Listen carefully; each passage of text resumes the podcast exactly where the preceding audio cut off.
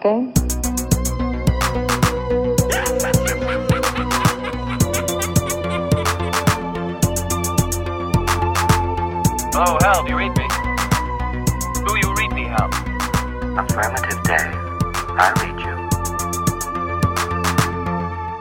Welkom bij de zesde aflevering van Gremlins Strike Back. Eh, mijn naam is Maarten Melon. Ik word opnieuw vergezeld door mijn twee co-hosts Bart de Duitse en Sven de Ridder. Goedemorgen, jongens. Goedemorgen, Goedemorgen. goedemiddag, goedenavond, goedenacht iedereen.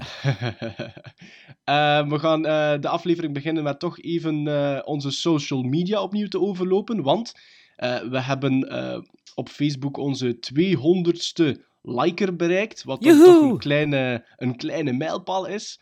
Ehm, en eh, we raden jullie aan, we manen jullie aan om ons eh, op eh, onze diverse kanalen te, te blijven volgen of te beginnen volgen. Dat, dat is buiten Facebook ook Twitter en Instagram. Zoek ons en vind ons door gewoon Gremlin Strike Back in te typen. Ehm, eh, heb je klachten, opmerkingen, vragen?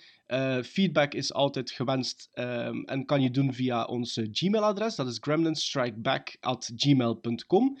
En eh, verder, als jullie aan het luisteren zijn naar deze podcast en eh, je hebt nog eh, iets wat tijd over, vergeet ons dan in iTunes niet te raten, want dat helpt ons vooruit om wat opgemerkt te worden in de massa der podcasts, niet Bart? Ja, dat is waar. Voor de, opmerkelijke, op de opmerkende luisteraars, die hebben gemerkt dat we misschien onze eerste technische problemen gehad hebben, maar we hebben daar vlot rond gewerkt. Maar degenen die goed opgelet hebben, die hebben gehoord dat de Sven plots verdwenen was op het einde van de vorige aflevering. Eh, ja, Sven die, die had eh, volgens mij zijn micro kapot gehoest, als ik het eh, goed voor had. Ehm, Ja, dat en- bleek dus niet te zijn uiteindelijk. Want mijn zoon heeft dan eh, naar de koptelefoon gezien en zei: Papa, je moet gewoon die check van die micro een beetje verder duwen en dan zit hij er terug in. Ja, Dus dus, ja, zo dus, zie je dus je was even verdwenen om je zesje te doen over Batman v Superman Dawn of Justice, maar ja. En om afscheid te nemen van onze trouwe luisteraars. Maar eh, ik heb ook gezien dat Ik heb Sven... ondertussen nog niet, nog niet gezien, hè, Batman vs. Superman. Ah, maar dat, Het- dat, het- dat moet ook niet. Dat moet niet. Dat moet Ik heb wel gezien dat hij 68% is gedaald in de, in de inkomsten eh, in week 2 in Amerika. Dus dat, Ah, wil, daar ben ik blij om. Daar ben ik dat blij om. voorspelt toch niet veel goeds. Ja. Allee, ja. Eh, Sven, ik zag ook eh, dat u u lid gemaakt had van de, de community Letterboxd. Op, Ja, eh, plezant. op, op het internet. Hè. Dus eh, nogmaals, we de, zijn... de community, Ja. de community der communities. Ja, nogmaals, we worden daar niet door gesponsord of zo, maar nu dat we er alle drie op zitten, hè, komt ook af. Hè. Eh, Sven de Ridder, Maarten Melon en De Flex, en je vindt ons wel.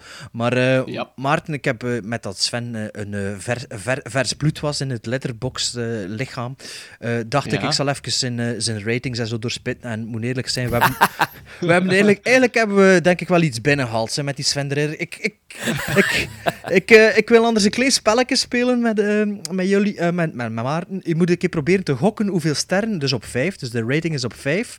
En met halve Ja. sterretjes, hoeveel, Ja.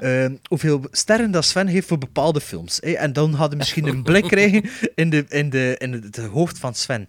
Ehm. De, de Disney-klassieker, de muzikale Disney-klassieker, die onze, onze man van The Hills Are Alive met zijn muzieksegment, de, de Disney-film Fantasia, hoeveel sterren op vijf zou de Sven dat geven? Oh, ehm, ja, ik, ik, ik zit met een disadvantage, want ik heb Fantasia zelf nog nooit niet gezien. Ehm pakt drie? Nee, 2 op 5, dus onder de helft. Dus gebuist voor Fantasia. Evil Dead 2. Eh, nee, Evil Dead 1, of nee, 2, 2. Ik heb hier, eh, ja. Dead by Dawn. Oh, dat, dat moet... ah, dat is die, ja. Vier? Twee sterren, gebuist. Annie Hall. Oh. Sven de Ridder, godverdomme. Ehm, Maar een beetje rapper, hè. we kennen hier de schoenlijstjes. Drie? Hè. Drie. Drie? Nee, 2, gebuist. The Royal Tenenbaums. Twee. 1, gebuist. Lost in Translation. Oh, toch hoop, dat hoop ik drie. 1, gebuist. American Beauty, Sven de Ridder. Wat geeft Sven de Ridder, eh, Maarten, denkt u? Drieënhalf. 1. Drieënhalf. 1 ster voor American Beauty. Flauwe film. Eh, ja, Sven, je moet je niet verdedigen, dat is uw opinie. Psycho van Hitchcock, drieënhalf? 2. 2 sterren. Black Swan. Ja, Ja, maar ja, draak nu van ga- een film. Nu, nu ga ik mijzelf indijken. Ja. Ja. Anderhalf. Anderhalf? Nee, 1. Mission, in, Mission Miss- Missing in Action 3. Met Chuck Norris. Dat is de minste. Dat, is- dat is het andertje. Vier. 3. Maar kijk, je denkt nu, nu denkt je van, oké, we hebben een beetje een zicht wat, wat dat Sven leuk vindt en wat niet, maar ja, Ja. toch niet. We gaan even verder. Ehm, Ja? De experimentele film Drive, bijvoorbeeld. Ah, maar ja, maar daar is hij sowieso geen fan van, hè, twee? Nee, nee één ster. De experimentele Ja, film Under the Skin, Nou, twee? 2,5. Dus toch geslaagd. Beter dan Annie Hall. Ja. Ehm, wacht. Moon van eh, David Bowie's zoon. Ah, Experimentele film, even saai als 2,5. Solaris. Nee, eh, 2,5. drie. Drie sterren. The- There Will Be Blood, drie? Vier sterren, vier sterren. En dan hebben we No Ah, Country for Old Men. Ah, die rijd ik dan hoger. Ik zou 3,5. Nee, één ster. Oké, ik zal even verder gaan. Heat bijvoorbeeld. Vind, ja, ik heb er nog een stuk of Ah, tien. moet ik zeggen? Ja, ja, zeg maar. Heat, Heat, Heat, Heat, Heat, 3,5. vijf sterren. Nightcrawler, Eh 2,5? vijf sterren. Amai. Ja, Oké. dus, eh, de- ik wil maar zeggen, ik wil maar zeggen het is, moeilijk om Sven... lijn in. Nee, ik, ik, wacht, maar ik zal, ik zal zelf nog even verder gaan. Hè. Batman Forever en Batman en Robin, twee sterren. Batman van Tim Burton, vijf sterren. Batman Returns, vier sterren. Batman Begins, twee sterren. Dus even slecht of goed als Batman Forever. The Dark Knight Rises, drie sterren. The Dark Knight, vier sterren. En dan Memento van dezelfde regisseur, één ster. En dan Interstellar, vijf sterren. En Inception, één ster. Ja, die, ik zie, er staat, er is, het is een beetje, ja... Ja, mijn, mijn vrees is een beetje, dus alles wat dat wij goed vinden, dat, we gaan het nooit weten wat Sven ervan vindt. Hè. Maar eh, ja, dus, Maar het, dus- levert, het levert, het Voer levert voor discussie, gesprekken op. Ja, maar ja, ik heb nu een- allee, ik heb jullie een, een van mijn recente favorieten, Wages of Fear, aangeraden. En ik denk dat Sven dat ook slecht zal vinden. Hè. Ik, ik, hou, ik hou mijn hart vast, hè. Ik hou ook nu mijn hart vas- vast voor deze Stockholm. Echt waar. Maar eh, ja, dus een beetje, we hebben een ongeleid pro- projectiel in onze podcast middens. Dus eh, dat is eh, ja, plezant, plezant. Oké, goed, goed, goed. Leuk dat ik jullie kan verblijden met mijn eh, sterretjes. Sven, Sven, ik ben er zeker van dat dat heeft niks met de leeftijd te maken, jongen. De- wij, wij aanvaarden het nu zoals je bent. Ja, dat is ja. heel lief. You know something, people? You're gonna be remembered the rest of your lives for the day you got held up and kidnapped. Victims of Stockholm Syndrome develop compassion and loyalty towards their captors.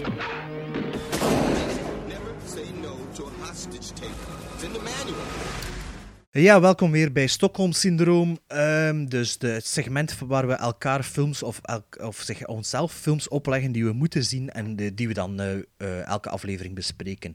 Eh, de film die ik gekozen had voor Sven en Maarten is een film die ik zelf pas recentelijk ontdekt heb. Is The Wages of Fear of Le Salaire de la Peur van Henri-Georges Clouzot, de Franse regisseur. Een film uit 1954.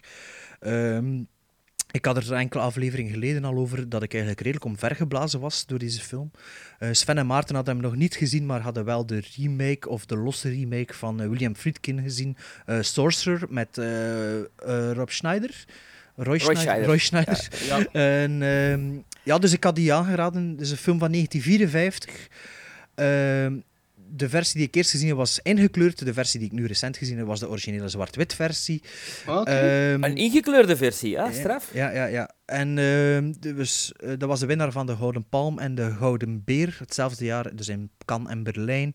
Eh, geen Oscar-nominatie voor beste buitenlandse film, maar misschien bestond die categorie toen nog niet, Sven. Ik weet niet of dat al altijd Die bestond al wel. Ah, die ja. bestond al wel. Ja, ja. En ik heb wel nog wat weetjes over die film, maar ik zou graag eerst weten wat eh, jullie ervan vinden, eh, Maarten. Ah, wel, ehm, eh, ik, zonder, zonder al veel te veel te verklappen, maar ik was ehm, heel blij met deze Stockholm. Ehm, en eh, ik ben eh, absoluut tevreden dat ik Le Salaire de la Dupeur, of de la Peur, wat is het nu juist, De La Peur. kan ook geen Frans zijn, maar ik heb dat hier voor me Nee, we- dus we houden bij Wages of Fear uit 1953. Eh, heb gezien, want ik vind, ik heb er echt van genoten, Bart. Ik heb er absoluut van genoten. Ehm, ik ben zelfs blij dat ik niet de ingekleurde versie gezien heb, eh, maar de zwart-wit versie. Omdat ik denk dat dat toch iets van de mystiek en, en de charme zou weggehaald hebben van, eh, van, de, van de film. Maar eh, ik, ik, eh, moet ik anders rap zeggen over wat dat gaat? Of, of doe je dat zelf, Bart? Ah ja, ik had dat nog niet gedaan, zeker. Ja. Nee, dus de, nee, dus de film ga- gaat over ehm, een onbenoemd land in Zuid-Amerika, ehm, waar er eh, eh, oliedrainages gebeuren door een Amerikaans, Amerikaans oliebedrijf. Er is een explosie op een van hun, eh, van hun raffinages en die explosie moet gedicht worden door een andere explosie, zodanig dat eh, de, de, het lek gedicht wordt eigenlijk. Klassiek verhaal bij, bij dergelijke Ja. rampen. Ehm, om om dit te kunnen dichten, het ga- het gat, moet er eigenlijk een grote lading eh, nitroglycerine eh, gestuurd worden naar de, naar de plaats. En daarvoor zoeken ze eigenlijk mensen die dit willen doen. In het naburige dorpje waar eigenlijk veel westerlingen zitten die werkloos zijn. En, ehm, en zo dus ehm, ja, wordt er een groep van vier mannen samengesteld die eigenlijk elk met een, allee, per twee in een wagen vol eh, ge- hoge explosieven eh, eigenlijk erop uitgestuurd worden en moeten zien op, eh, op risico van leven van punt A naar punt B te geraken. Dat is zo'n beetje, denk ik. Of tenzij ik iets vergeten te zeggen heb. Nee, nee, nee, dat, dat, dat, klopt. En ehm, dus, ehm, er, gaan dus twee trucks op, op een hachelijke onderneming uiteindelijk, vol nitroglycerine, met, met trucks die gammel zijn, om mee te beginnen. Ehm, en, eh, en daar gaat de film over. Eh, en ik vind, ik vind... Ik heb echt genoten. Ik heb echt genoten van de film. Want die heeft een runtime van, als ik me niet vergis, meer dan twee uur... Twee- twee- tweeënhalf uur. 26. Ah, voilà. ja, twee uur en een half. Ehm, het enige wat dat ik zou kunnen opmerken is dat ik vind dat misschien het stuk tot, tot wanneer echt ehm, dat de mannen in de truck zelf gaan zitten, ja, dat dat iets misschien compacter iets korter mogen. mocht. Hè? Ja. Ja, ehm, eh, maar voor de rest, ik vind, ik vind voor die tijd, ehm, wat aan mij vooral opviel, is dat er, vind ik, fantastische shots in zitten. De cinematografie is, is bij, bij momenten echt... ehm, er zitten daar pans en, en, en, en vooral één tracking shot eh, vind ik fantastisch dat daarin gebeurt, voor die tijd. Eh, de vertolkingen zijn, ja, van, zijn fantastisch. Ehm, ik heb vooral het meest genoten van, van Monsieur Joe. Ja. Eh, omwille van, eh, omwille van de, de- toch de, de, de verandering, de evolutie die Ja, in zijn complex personage zit. hè. Ja, ja, ja. Ja, ja, alhoewel dat ik vond dat dat nog iets geleidelijker aan mocht gebeuren, zonder al te veel spoilers te geven. Ja. Maar dat, was, dat, is, dat is absoluut mijn favoriet personage. Ehm, maar ik, ik, durf, ik durf nu al zeggen ehm, dat, dat dat een absolute aanrader is. Een absolute aanrader. Ehm, dus ik ben benieuwd wat dat Sven er nu eigenlijk van vond. En wel, jongens, ehm, Wages of Fear is de beste film die ik dit jaar al heb gezien. Oef, Ah, oef, oef. fantastisch. Ja, Ja, ja. fantastisch. Ik vind dat een, een, een ongelooflijke ontdekking. Ik ben heel blij met, eh, met deze ontdekking. Ja. Ehm, ik vond vooral, en dat, dat hoorde ik daar juist bij Maarten, dat, dat dat net omgedraaid was, maar ik vond vooral het begin, het eerste uur, eigenlijk ongelooflijk goed. Omdat ehm, de karakterstudie en, en het uiteenzetten van de verschillende personages op een, op een heel ja, inventieve manier eigenlijk voor die tijd, vind ik. Ehm, je, je, je krijgt geleidelijk aan verschillende personages. Je leert die kennen, je, je leert de, de connectie kennen. Alhoewel het in het begin allemaal heel onduidelijk is, wordt het binnen dat eerste uur dan toch duidelijker. En ik vond dat heel straf, dat eerste uur. Ik vond vanaf dat ze in de truck zaten, vond ik... Het is heel spannend, uiteraard. Maar daar vond ik Sorcerer, de remake, dan spannender. Op een of andere Ja. Moderner Ehm, waarschijnlijk ook. Eh, ja, en, maar eh, hier zit het hoogtepunt van de, van de, va- va- va- van de spanning eh, net een half uur voor het einde. Terwijl dat in Sorcerer de spanning echt, echt op het einde zit. Allee, de, Ja. de- Ja, die heb ik nog niet gezien. Wel gevonden ondertussen op Blu-ray, dus daar ben ik blij mee. Maar, maar wat, een, wat een knappe vertolkingen in deze film, ook voor die Ja. tijd. Eh, eh, Yves Montand, my god, ik wil... Ik wil Allee, ik heb nog niet zoveel van die man gezien, enkel zijn jaren tachtig films. Jean Maar de Floret nu- speelt hij mee, met eh, Gerard Ja, Depardieu dat, is, dat heb ik gezien. En, en Tout Feu, Tout Flamme en Garçon heb ik ook gezien. Maar, maar ik wil vooral zijn, zijn early works nu zien. Want ik vind dat... Oh, dat is Hugh Jackman van zijn tijd. Als, Ja, je, dat, ja. als je dat ziet. Ja, dat, is- dat is echt... eh, wat een charismatische, eh, eh, sportieve ehm, look heeft, heeft hij. Ook die Mm. talen, die, waar hij switcht tussen het, het Frans en het Italiaans en het Engels. Dat is- ja. Ja, dat is Christophe Waltz-style. Ja. Dus, dus voor mij draagt hij wel de film Monsieur Joe. Ik ken de acteur zijn naam niet. Ook fan, fantastisch. Char- Eh, Charles Vanel. Ja, wel, ik, ik heb nog eens gaan opzoeken wat die man nog heeft gedaan van betekeniswaardige dingen, maar niet echt veel, Wat, denk to, ik. to Eh, Catch allee, a hij heeft Thief veel... van Hitchcock met de... Ja, ah, wel, Cary en dan Grant denk je toch dat zo'n eh, dat zo'n gast internationaal doorbreekt met zo'n rol, maar dan Ja. toch niet. Hè? Want dat is dan... Ja, maar de film is ook een beetje miskend. eh, maar maar Ja. wilde eerst iets zeggen, denk ik. Maar nee, ik, wou, ik wou gewoon even inpikken op hetgeen dat, dat Sven zei over dat eerste uur. Ik denk dat, dat, eh, ik denk dat mijn ding was, omdat ik, omdat ik wist over wat dat de film gaat, dat ik was aan het wachten tot die, die, die turning point in de film, totdat die explosie zou gebeuren, omdat ik dacht dat de, de, het overgrote deel van de film zou gaan over de tocht in de trucks. En als je dan geconfronteerd, allez, geconfronteerd, als je dan eerst zo'n uur soort van prelude daarop hebt, ehm, was ik eigenlijk aan het wachten, oké, maar wanneer, wanneer, wanneer, wanneer komt die explosie? Wanneer ehm, gaan, we, gaan we op... Allee, zijn we weg? Wanneer Ja. gaan we op weg? Wel, Ehm, Ja, ik denk dat dat misschien wel ook wel eens een van de sterkste is van de film. Hè. Ah, Dat, dat eigenlijk niet gewoon eh, Lord of the Rings stijl is. Kom, we zijn weg en een hele film zijn we Ja. weg. Terwijl dat inderdaad in het begin het karakterstudie is eigenlijk, hè, bij manier van spreken. En je merkt dat wel en je voelt dat wel, dat dat de bedoeling is. En inderdaad, het duurt misschien wel iets te lang. Dat, ben ik, dat was ook mijn, mijn, mijn enig punt van kritiek toen ik hem de eerste keer gezien heb. Het zou bij- bijvoorbeeld op 35 minuten, 40 minuten ook verteld kunnen zijn. Maar ja, dat mag niet vergeten, dat is een film van eh 70 jaar geleden bijna, of zo. Eh, het is dat, het is dat, het is is- dat. Pas op, en het, is, het, het wordt... Het, begrijp me niet verkeerd, het wordt nergens storend, hè. Het wordt zeker nergens storend. Mhm. eh, maar... Het is gelijk dat Bart zegt, het, er, mocht, er kan 10 minuutjes vanaf. En je zou nog altijd niks missen of, of dat gevoel niet hebben van wat dat we nu hebben, denk Ja. ik. Nee, nee, nee. Maar eh, ik vind het een, een film die zeker niet gedateerd Nee, is. absoluut Eh, niet. Absoluut niet. Het is eh, vlot denk- gemonteerd in de, de klassieke trucjes, de montagetrucjes. En eh, ja, eh, Schone, schone feit zit trouwens, zitten er een paar hele schone overgangen tussen hoor, montagegewijs. Eh, Ja, en ook een paar, een paar eh, eh, shots die... die eh, ik heb Spielberg heel dikwijls gezien, eh, die de mosterd daar heeft gehaald. Bijvoorbeeld, er is een shot vlak voordat ze in de truck stappen, dat ze met vijf man, dus de baas van het oliebedrijf en, en de vier chauffeurs er staan. Dat is een shot dat letterlijk terugkomt in Close Encounters of the Third Ja. Kind. Ah ja? Eh, ja, ik heb er een foto van getrokken en, en het vergeleken. En het is ja, het is, het is qua belichting natuurlijk zwart-wit belichting, maar je ziet echt wel dat, dat Spielberg die film eh, eh, goed heeft bekeken. Ook voor Duel. Voor Duel zitten er een, enorm veel shots. debuut die, van Spielberg. die- ja. ja, Met ja. trucs ook, hè. Dus, dus ik denk dat hem he- wel eh, voor inspiratie heeft gezorgd. Sven, Sven dat shot waarover dat gesprek is dat buiten of binnen? Buiten. buiten dat is wel. vlak voordat ze... En wel, van mij, van mij het, vind ik een van de knapste shots is binnen. Eh, wanneer dat ze daar allemaal nog een, een glas aan het drinken zijn. Dus de vier, Ah, wel, dat is vlak ervoor. dus ja, de, ja. de, de vier drivers samen met de baas eigenlijk. En eh, ze zijn nog eh, wat dingen aan het bespreken. En op dat moment horen ze de motor van de truck. Ja. En, en is er zo'n shot, een tracking shot, waar dat de camera naar achter gaat, dat iedereen in beeld komt en die iedereen op dat moment kijkt naar de richting van het geluid. En dan, wat dat er dan op die gezichten af te lezen valt van emotie, op dat, dat vond ik, ik kreeg er bijna koud van. Ik kreeg er echt bijna kippenvel van. Gewoon de combinatie van Ja, dat, dat shot knap, met, de, met, de, met de acteerprestaties, vond ik echt, echt gigantisch mooi gedaan. Maar dus, dus Henry Georges Clouseau, dat was een beetje wel, dat is een beetje een miskende regisseur geweest in zijn tijd. Ehm, die is ook verbannen geweest uit Frankrijk naar het regime van Vigan- Vi- eh, Vichy, of hoe noem het?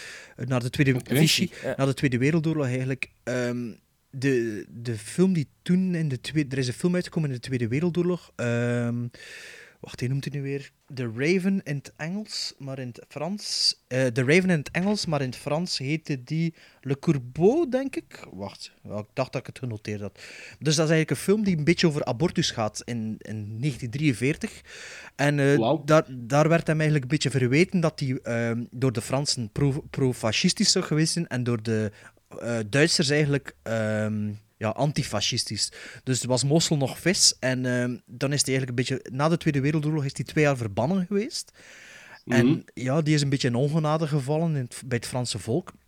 En zelfs de, de, mensen, de mannen van de Nouvelle Vague wisten zijn werk niet te appreciëren. Alleen François Truffaut blijkbaar had er wel eh, wat affiniteit mee. Maar, maar eh, ja, die is eigenlijk een beetje... Ah, voilà, voilà. Dan hebben we de link ineens met Close Encounters of the Third Kind Ah, en voilà, voilà. en Truffaut. hè. Ja. Ehm, en ja, dus die is eigenlijk een beetje op de sukkel geraakt, of die had wat psychologische problemen en zo.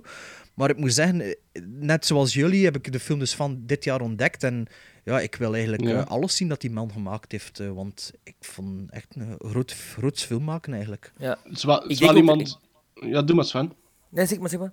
Ah, ik, ik, ik, ik wou gewoon zeggen, dat is toch wel een man met ballen aan zijn lijf. Hè? Als je dat in die periode een, een film over abortus, abor- abortus al wil maken, dat zegt toch ook al iets over eh. Ja, Le.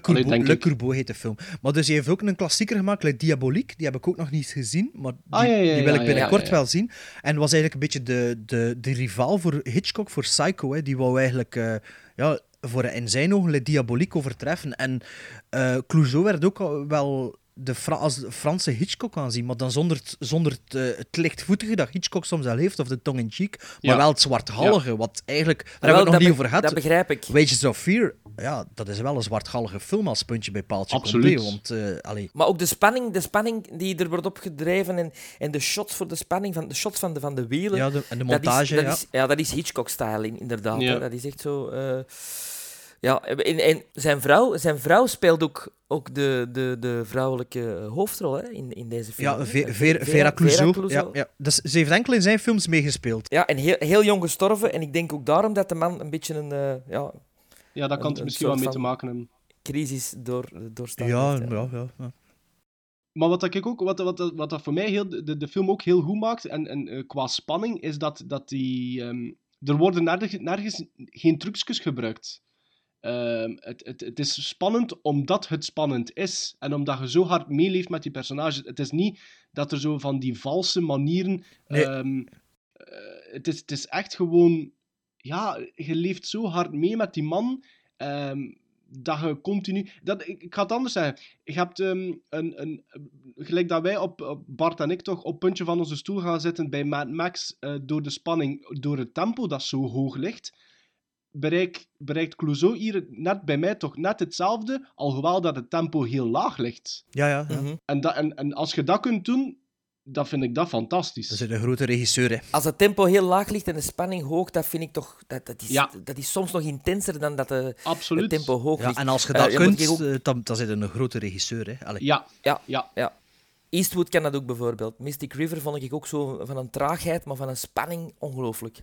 Dus ja, jongens, eh, ik ben blij dat jullie mijn mening delen, dat we op dezelfde lijn Absoluut. zitten. En ik, ja, ik heb het de vorige keer al gezegd, als, als luisteraar, als je die film nog niet kent of niet gezien hebt, het is een echte aanrader. En eh, ja, probeer u inderdaad een beetje over het zwart-wit en het eh, trage begin te zetten als dat een probleem zou zijn. Maar eh, het is... Ah, het zwart-wit is net een meerwaarde volgens Ja, mij. ja, maar voor sommige mensen is dat een probleem. En eh, ja. Ja. Bart, Bart ik, wou toch nog, ik, ik wou je toch nog even iets vragen, om, omwille van het feit, want in, in, de, in een van de voorgaande afleveringen dat we hadden over Mel Brooks en zijn parodieën, en dat je zegt van ja, het is soms een beetje dat je wat moeite had met het, zo wat die racistische dingetjes en zo. Eh, wat vind je dan bijvoorbeeld hier van wat dat er gebeurt in de film, met momenten? Eh, ik weet zelfs niet wat dat bedoelt. Eh, Alleen Wat, dus, v- eh, vrouw, vrouw-onvriendelijke ah ja, films, zo. zeg. Ja, ja, maar, ja, dat is echt wel nog een Wat, ander- wat, wat, dat ook, wat dat ook een weergave is van, van op dat Ja. moment de, de, de, de tijd en zo. Hè. Ja, maar En uiteindelijk wat- is dat wel dan- een super macho film, hè? Allee, de, de- Ja, een ja, van de thema's ja, is maar- macho. eh waar je welkom, die Maar vier dat is gasten mijn willen. vraag niet, hè. Nee, nee, maar het vrouwonvriendelijk is daar wel een beetje een gevolg van. Als je eigenlijk Ja. met, met een dorp zit vol met werkloze mannen, waar dat er eigenlijk bijna geen Ja. vrouwen rondlopen, die er liggen dood te vervelen, ja, dat wordt al een keer vrouwonvriendelijk. En, ehm, Maar dat ik wel ongelooflijk vond, is dat ze dan... eh, ze springt op een gegeven moment op die een truck en, en eh, heel romantisch. En, dat doet gewoon de deur open en... Fuck off. Nee, Dat nee dat ik had wel niet, maar het probleem met Mel Brooks was ook niet per se het, qua inhoud, maar vooral eh, het, eh, het taalgebruik. Soms manier dat waarop, onder, ja. ja. een beetje raar aanvoelde. Het was niet dat ik alleen ja, politiek correct ben of zo. Het enige waar, dat ik, waar dat, ik- het enige waar dat ik een beetje schrik voor had, en ik had er wel een probleem mee, maar dat is puur, denk ik, als, als dierenliefhebber zijnde. In de eerste vijf minuten hebben we de een shot waar dat er zo'n oudere Duitse op een stoel zit en die, die zit daar stenen te smijten naar een hond. Ehm, Ja, maar dat vind ik, dat is voor, dat is voor mij een, een, een weerspiegeling van wat dat hij vindt van de Duitsers in de oorlog. Ja. Dat is, dat, is, Ja. dat is direct zetten van, ja, dat is mijn mening over Duitsers. Ja, ja, het is ook, ja, het is ook, ja, ik weet wat dat bedoelt als ze effectief met stenen naar een hond zitten smijten. Dat is ook Ja. mijn probleem een beetje met Cannibal Holocaust. Als ik dat stenen zit er wat beesten af te slagen, dan vind ik hem, ja. Ja. Maar ik snap uw probleem daarmee, maar ja. Ik ben, nee, maar ik ben gewoon blij. Ik, mijn punt daarin is van je kunt op andere manieren ook aantonen dat je dat, een min, allee, dat, je dat een, een, qua karakter ehm, dat die op een ander niveau staat dan bijvoorbeeld de andere mensen die rondlopen in die film. Maar je kunt dat op andere manieren aantonen. Maar ik was gewoon blij dat dat ook bij dat ene feit blijft. ja, ja. ja, ja. Ja.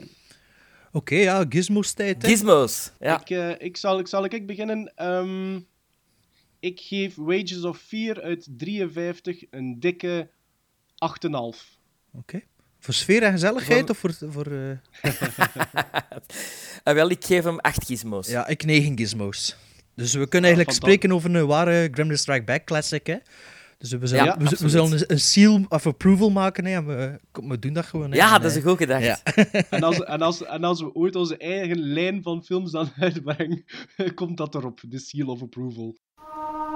Pin is the one and only friend Leon's ever had. The only one who doesn't care that Leon's different. Gremlins Strike Back. Na Wages of Fear is het tijd voor mijn film. Ik had eh, voor jullie Pin eh, uit 88 gekozen. Ehm, soms ehm, eh, wordt daar nog een subtitel aan toegevoegd. Pin, A Plastic Nightmare.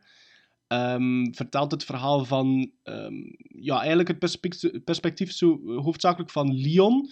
ehm, die samen met zijn zusje Ursula op nogal ja, speciale manier wordt opgevoed. Eh, je hebt een, een eh, bijzonder afstandelijke vader en een moeder die ehm, ja, kuisziek is, ehm, tot het in extreme. En eh, de vader beschikt ook over de gave van het buikspreken en die gebruikt eigenlijk... Want de- die man is trouwens een gerenommeerd huisarts.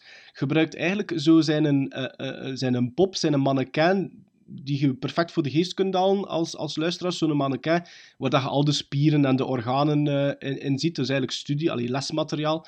Die gebruikt eigenlijk die pop en laat die spreken via het buik, buikspreken om al de belangrijke levenslessen door te geven eh, over seks en, en dergelijke. Nu, wat gebeurt er? Ehm, Ursula, het zusje van Leon, heeft al heel snel door dat dat natuurlijk de, de papa is die aan het spreken is. Maar Leon die gaat daar volledig in op. En die denkt echt dat Pin leeft. En ehm, dan wordt al natuurlijk al snel duidelijk dat er ja, misschien Leon niet helemaal in orde is. Maar wat dat er eh, tijdens het opgroeien nog, eh, nog, ehm, nog meer fout loopt, is dat hij eigenlijk onbewust zelf eh, het buikspreken hanteert om uren, ellenlange conversaties met die pop te voeren. Ehm, tot overmaat van ramp eh, overlijden bij de ouders in een tragisch eh, auto-ongeluk. Waardoor dat eh, Leon en Ursula eigenlijk door een tante verder worden, allee, in huis worden genomen. Ehm, die tante wordt vermoord. En waardoor dat Leon eigenlijk aan het hoofd komt te staan van die familie. En die brengt Pin in dat huis. Geeft, voorziet die van een soort gezicht. En ja, wat volgt ehm, is natuurlijk ja, een, soort van een psychologische thriller van eh, wie haalt uiteindelijk de bovenhand. Ehm, dus ik ben benieuwd eigenlijk, Bart fan, wat dat jullie ervan vonden. Ja, ik was aangenaam verrast door Pin. Ik, ik hou wel van de, de jaren tachtig horrorfilmpjes. en dit is zo een, een, leuk klein filmpje waar ik eigenlijk nog nooit van had gehoord. Ehm, de film begon, de generiek begon. Ik dacht van, oké, we zitten terug in de jaren tachtig. Eh, vier, vier jongetjes, à la Goonies, Stand By Me, die naar een huis zitten te zien waar, waar een, een gedaante voor het raam zit dat niet beweegt. En eh, toen vond ik het eigenlijk heel leuk dat we met een flashback begonnen. Eh, dat het eigenlijk een verhaal is van die kinderen die je te zien krijgt. Een hele vreemde manier van opvoeden, inderdaad. En die, die, die pop, die pin die dan tevoorschijn komt, je hebt al heel vlug door dat het de vader is die buik spreekt. Maar wat een angstaanjagende pop. Wat een, een... Telkens dat die in beeld komt, denkt je van, die leeft, die leeft en die leeft niet. En, en toch als je erin ziet, beweegt hij precies, of ademt hij, of die ogen die zien. Dat op zich vond ik heel goed, hoe dat je met weinig middelen eh, en weinig special effects eigenlijk toch een, een, een, een, een griezeleffect kunt teweegbrengen. Nu, vanaf dat de, de ouders sterven, vond ik het iets ja, minder worden en ve- veel conventioneler worden dan, dan daarvoor. Daarvoor is het echt zoiets van, dat heb ik nog niet gezien, dat soort film. In, in, in die, in die. Maar daarna eh, vergelijkt dat dan, vind ik, naar een al te gemakkelijk goedkoop horrorfilmpje. Eh, maar ik heb er toch van genoten. Eh, wat zijn de drie puntjes, wat zijn de drie puntjes achter Pin in de, in de generiek? Dat vroeg ik mij nog af. Geen Pin enkel idee eigenlijk. En dan drie puntjes. De spanning Ja. van Pin. Ik weet niet. Allee, Oké. De spanning, eh, voor zover dat hij er was, in mijn opinie. Ehm, ik was, ja, de eerste scène, dacht, joepie, Goonies, Monster Squad, Ja, hè, ja, Stand ja. By Me. Ehm, en toen dacht ik, oh nee, nee, het is juist, het is met een buikspreekpop, zoals Maarten gezegd had. En toen kwam er in plots een uh, mannequinpop eigenlijk. Dus ik was dan al he- helemaal verward, omdat Maarten de film verkocht had als een, eh, een belangrijk, belangrijke pion in het buikspreek horror genre. Ehm, eh, ja, dus het poppengenre was het eigenlijk vooral, eh, waar ik wel bekend mee was. Ehm, maar ik, nee, ik was niet echt van. Ik vond het eh, enorm traag. Ik vond het flow. Ja. Allee, ik vond... Mm. Ik vond een hele rare vibe ook. Een creepy vibe, maar niet in, in de betekenis van het verhaal, maar gewoon, wat is er aan de hand? Ik vond de, zo die, die relatie vader-kinderen en, en de, dus die Ursula en die eh Leon zeker was, Leon? Leon, Eh, ja. Onderling, die hebben ook zo'n, er is zo'n- rare seksuele eh, ondertoon in Hans die film tussen die twee.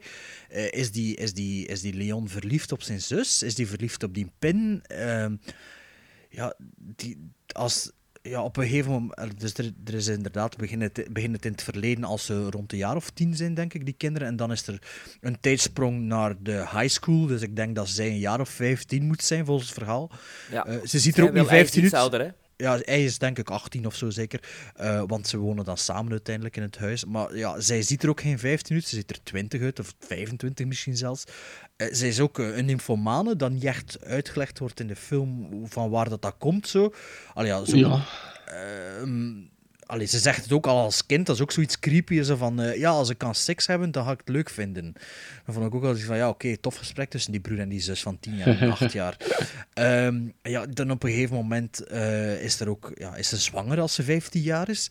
En dan Ja. moet die, doet, doet de vader, die dokter, is een geheime abortus op zondag. En eh, moet Leon om een of andere reden erbij blijven om te kijken of zo. Ja, ik weet het niet precies wat er aan de hand is. Dus ehm, ja, ja, ik vond het maar een beetje een bizarre sfeer. En ik vond ook gewoon, de film ging niet echt vooruit en ging niet echt ergens naartoe. En nee, ik was niet echt van... Allee, je merkt wel duidelijk dat ze een soort ehm, variatie op Psycho willen doen. Met het Leon-personage die dan ah ja, een soort van... Ja, eh, een soort van... Ja, relatie Norman heeft. Bates, ja. Een soort Norman Bates personages. Waarbij dat in plaats van de moeder eh, de eh, pin, de, de, de pop eigenlijk eh instaat als, ehm, als, als Moederfiguur. moederfiguur. Zo, ja, dus nee. Het is de film die ook gaat over trauma's, denk ik. Want de eerste Ja. keer dat, dat eh, Leon eh, in aanraking komt of, of zijn onschuld verliest door eh, een seksuele ervaring, is die verpleegster van de vader, die dan met Pin eh, van alles ligt te doen. Ja, van waar komt dat idee eigenlijk? Of van waar Ah, wel, komt dat? Dus, ja. Ik, ik, ik denk dat die, dat denk ik dan, die verpleegster heimelijk verliefd is op die dokter. En dus maar dat niet kan, maar dus wel met die pop van alles kan doen. Ja, maar- En hij ziet dat als kind en hij heeft zoiets van... Ah, is, dit, is dit seks? Nee, dat is, dat is verschrikkelijk. Waardoor dat hij ook zijn zus wil behoeden van alles wat met seks heeft te maken. Ja, maar, Maar ik- ik- is, is die dokter in het dagelijkse leven ook zo buikspreekpopper met die, met die pin tegen Jan en alle man? Want ja, van waar komt het dat die verpleegster plots op die, op die pop wil kruipen? Maar ja, het is niet, ik heb dat toch niet gezien Wat, dat er dan een grote erectie aan hangt aan die pop of zo. Dus ik weet niet. eh. Nee, maar ik denk dat dat, daar, dat, dat op dat moment... Dat heeft daar niks mee te maken. Ik denk dat... eh, dat eh, ik zeg het, hij, hij gebruikt zijn, zijn kwali- kwaliteiten als buikspreker, buikspreker gewoon om, om, om een soort van interactie te, te denk ik, eh, te bekomen tussen, tussen Pin en zijn kinderen. Omdat hij, ja, om, om De bepaalde... dingen niet gezegd kan hebben. Ja, omdat hij ze niet rechtstreeks wil zeggen en hij gebruikt dan eigenlijk de, de, de pop als, als tussenpersoon. Ik denk, ik denk dat het een... een ah, ik, ik had gehoopt dat, dat jullie iets positiever gingen zijn, want ik blijf erbij. Ik, ik vind Pin eigenlijk echt geen slechte film. Eh, ik denk dat het inderdaad gaat over, over, het- over trauma's en, en, en hoe dat twee kinderen uit, uit eenzelfde gezin toch anders kunnen zijn en, en anders kunnen opgroeien. Ehm, ik, ja, ik, Ik vond Ja, hem niet ik- zo slecht hoor. Ik bedoel, ik, ik vond hem. eh, ik, ik vond het vooral het begin tot, tot wanneer dat de, de ouders in het auto-ongeluk omkomen. Dat vond ik Ja. heel goed. En dan vergelijkt het zo wel naar een gemakkelijkheid, vind ik. Je kunt inderdaad de, de, de film wat opdelen in twee. Dus wat gebeurt er na, nadat dat bij de ouders omkomen, is eigenlijk... ehm Pin wordt in huis gehaald door Leon, die dan uiteindelijk aan, het- aan het hoofd van de familie komt te staan, als zijnde een personage van... Allee, een persoon van vlees en bloed. En ehm, dan... dan eh, krijgt Ursula een, een, een serieuze relatie met, met een jongen. En, en, en eh, ja, is zo'n beetje de, de, de spanning die, die begint van... Zij weet dat zij die jongen gaat moeten voorstellen aan haar broer, maar haar broer gaat hand in hand met de pop. En natuurlijk is dat een hele vreemde situatie, want Ursula gedoogt ehm, het, het, het, het, eh, de, de, de, de, ja, de rare kronkel in Leon zijn hersenen, omdat zij volgens hem daar niks, tot op dat punt nog niks verkeerd mee gedaan heeft. Dat is gewoon ja, een rare kronkel in zijn hersenen. En, ehm, maar natuurlijk, ja, weet ze niet wat, hoe dat die jongen daarop gaat reageren. En of dat Leon die, die gast niet gaat zien als een indringer in zijn familie. En dus daar zit de, de, de, spanningsboog van de tweede helft zo wat eh, aan vastgehangen. Ehm, maar ja, ik, ik, Pin trouwens is een, een Canadese eh, horrorfilm. Allee, psychologische thriller zou ik hem eerder plaatsen, uit 88. En, en de bedoeling was eigenlijk dat hij een serieuze theatrical release zou krijgen. Maar het probleem was dat in de jaren 80, en zeker medio 80 tot 90, was de, de ja, laten we het dan toch maar, de horrormarkt was volledig verzadigd door slashers. Eh, sequels à la Nightmare on Elm Street, Friday the 13th, Halloween. Dus er was geen plaats voor zo'n kleine psychologische, m, eerder horrorfilm. En dus die stierf een hele stille dood. Die, die is eh, dan direct naar de videotheken eh, doorverwezen. En dat is eigenlijk pas heel later dat, dat, dat die soort toch van fanbase begon op te bouwen. En hier en daar dan een, een, een, een DVD-release heeft gekregen. Bij ons in de Benelux was dat Jan Doense, eh, die jullie misschien kennen. eh, Mr. Horror? Is dat Mr. ja, Mr. Horror. Op, de, op zijn label, Mr. Horror Presents, eh, heeft Pin door hem eigenlijk in de Benelux een, een, een release gekregen. Op DVD of op video? Een DVD-release. Ah ja, oké. Ik, ik denk ook dat een titel een beetje misleidend is, omdat je in diezelfde periode ook Hellraiser had. Hellraiser, ja. perso- personage Pin, hè, eh, dat dat soms wel verward kon worden met, met, met de deze dan. Want toen dat je de eerste keer zei Pin, dacht je van, oh, een Hellraiser. Ah, is het echt? Ja. Ja. Het is Pinhead zeker of is het Pin? Dat die- Pinhead. Ja? Pinhead, hè, maar ja. Ja. dat, is onoff dat is nog nooit eigenlijk... Allee, Pinhead is... Gaan we even sidetracken. Pinhead is eigenlijk ontstaan door eh, de crew van de eerste Hellraiser-film. Ah, oké. Dus, dus die... die om- nu lijkt dat zo logisch, hè, Pinhead. Maar Ja, eigenlijk ja. waar- begonnen zij daar, ah, eh, na, de, ah, na de opnames en zo, begonnen zij over Pinhead. En zo is die term eigenlijk in de scripts van de verdere films geslopen. Zeer tot ongenoegen trouwens van Clive Barker. Want die vond dat een nogal denigrerende term voor een personage dat hij... Ja, ja voor zijn personage. Ja, ja, ja. Voilà, sidetracking. Ah, ja, oké. Eh, de, de dokter van, eh, van dienst in de film De Vader had had hem herkend? Terry O'Quinn? wel, ik Ja. ben- ben hem gaan opzoeken. Ja, ja, ja. Dus de Lock, lock uit Lost, hè. Dus voor degenen die Lost gezien hebben. Dus, eh, Ja, en nu, Park Avenue 666 heeft hij een grote rol. In wat? Eh, Park Avenue 666. Ah, ja, ja, Een ja. nieuwe reeks over eh, de duivel die in New York woont. Ah, ja, ja. Maar, maar, maar een, een, een hele Allee, misschien zegt zijn naam Terry O'Quinn niet, maar als je zijn gezicht ziet, dan weet allee, dat is een bekende man. Hè. Dat is een- Ja. Die draait ook al even mee. Hè. Ja, ja, veel tv-films gedaan en zo. Bijna Ja, de Hanse, Hanse crew eigenlijk, eh, de Hanse cast eigenlijk. eh. Ehm, en Weet je welke film dat, ehm, dat Leon aan het zien was op zijn date? Heb je erop gelet welke film dat was? In de Ehm, bioscoop? nee, ik z- zeg maar. Sven, heb je het gezien? Nee, hè? Nee, dat was eh, Scanners. En, Ah, van David Cronenberg. ja, van David Cronenberg. En in welke film speelde eh, de beste man, eh, hoe noemt hij weer, de, de acteur? Wel, de, de man die eh, Leon speelt, speelde in 1991 mee in Scanners 2. In het vervolg, ja. Ja. Oké. Ja, ja, ja, ja. ja. Ja. En, eh, Maar ik- die... Maar, Ja, maar die, die, die een acteur, David Hewlett, eh, is het denk ik, als ik het goed uitspreek. David Hewlett ken, eh, is misschien best gekend eh, als zijn rol in Stargate, SG-1. En de Allee, bij het grote publiek. Ja, bij het grote publiek. en Ah, inderdaad, voor mij, ik herkende hem direct uit Cube. Ja, Cube, hè, ja. Heb je dat nog onlangs gezien, Cube? Ik vraag me af of die film eigenlijk nog, eh, nog stand houdt, of dat die echt gedateerd is tot en met. Nog nooit Nee. gezien. Nog nooit ah, gezien? dat is zeker, die- ja, ja, Nee. zeker een aanrader hoor, Sven. Nee, nee, ik, ik heb, ze, ik heb eh, de trilogie hier, en, eh, waarvan dat Cube natuurlijk eh, de beste film is. Maar nee, nee, vind ik nog altijd aangenaam om, te, om, om te bekijken. Ah, oké. Ja, misschien nog een keer. Ja, abso- ab- absoluut, absoluut. Ja. Wat, wat ik ook een, een weetje die ik tegengekomen ben, dus ik weet niet of dat jullie de, het eh, videospel Zelda kennen van Nintendo. Eh, Ja. Er is daar ook een cartoon ooit over gemaakt en het eh, meisje die Ursula speelt, die deed de stem van eh, prinses Zelda in die tekenfilm blijkbaar. Ah, is het echt? Ja. Ah, dat wist ik niet. Dat is wel een tof. Ja, tof, tof. ja. Ehm, ja, eh, is er jullie nog iets opgevallen, het eindshot van de film? Nee? Maarten ook niet, nee? Wauw, ik ben benieuwd naar wat hij gaat zeggen en daar ga ik Ah, wel, er wel op inpikken. Het is, eh, in het eindshot van de film komt er een mooie cameo van de microboom. Ah, oh, nee, maar heb ik heel de film, heel de film. Ja, maar ja, het eindshot, dat is toch wel jammer, hè? Ja, in, in dokterskabinet zit er constant een Ja, dat is microboom. waar. Dat is Ja, ja, waar. ja man. Eh, dus, eh, dus het eindshot is eh, ja, een medium shot, gewoon een borstshot van, eh, van Pin. Allee, van de, ja. Ja. wat, wat gebeurt er eigenlijk op het einde volgens jullie? Ah, wa- eh, voor mij, voor mij het, het, het, het eindshot toont aan dat, dat, dat Leon volledig is overgenomen door zijn waanidee. En- ja, ja, tuurlijk. en- Maar heeft de zus Pin aangevallen of heeft hij haar broer aangevallen? Ja, dus heeft haar broer aangevallen. Ja? Maar, dat, maar ik vind dat dus... Kijk, maar ziet Dat, het... maar dat, vind ik, dat, dat vind ik een open... Ja, ik weet het niet. Ik weet het niet. Maar dat, maar dat is toch... Maar kijk, dat is hetgeen toch dat die film wil doen of wil bereiken. Dat je erover Ja. begint na te denken. Is dat niet zo? Allee, ik, Ja, dat is toch bij ja. mij wat dat ik verwacht van een psychologische thriller. Ja. Ja, ik dacht op een gegeven moment zelfs dat, dat de vader zo'n geest in pin was gekropen. maar dat, dat was een Maar beetje... de- ja, die mogelijkheid heb ik nooit niet onderzocht.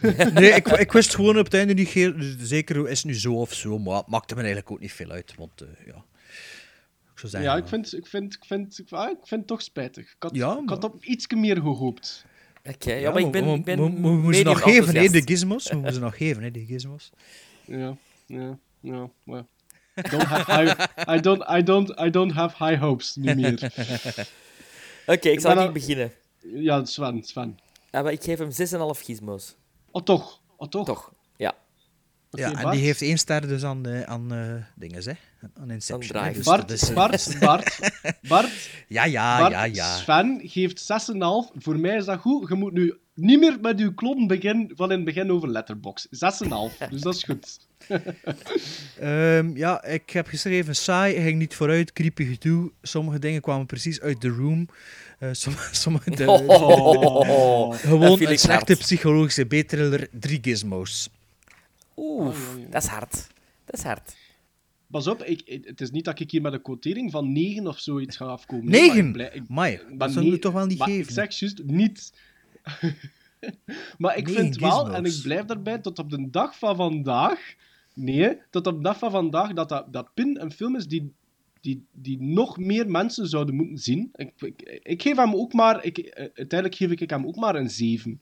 Dus het is nu niet dat ik dat. Ik vind ook het tempo ligt laag. Het is, het is, de manier waarop dat gedraaid is, is, is echt typisch dat je naar zo'n movie made for television aan het Ja, kijken bent. tv-film, hè. Ja, dus ja. je moet je wel als kijker een klein beetje inderdaad in.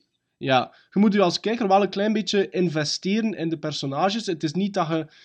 Ja, het is, ik, kan, ik kan begrijpen dat het soms een moeilijke zit is om ernaar te kijken, maar toch, ik geef hem 7 op 10.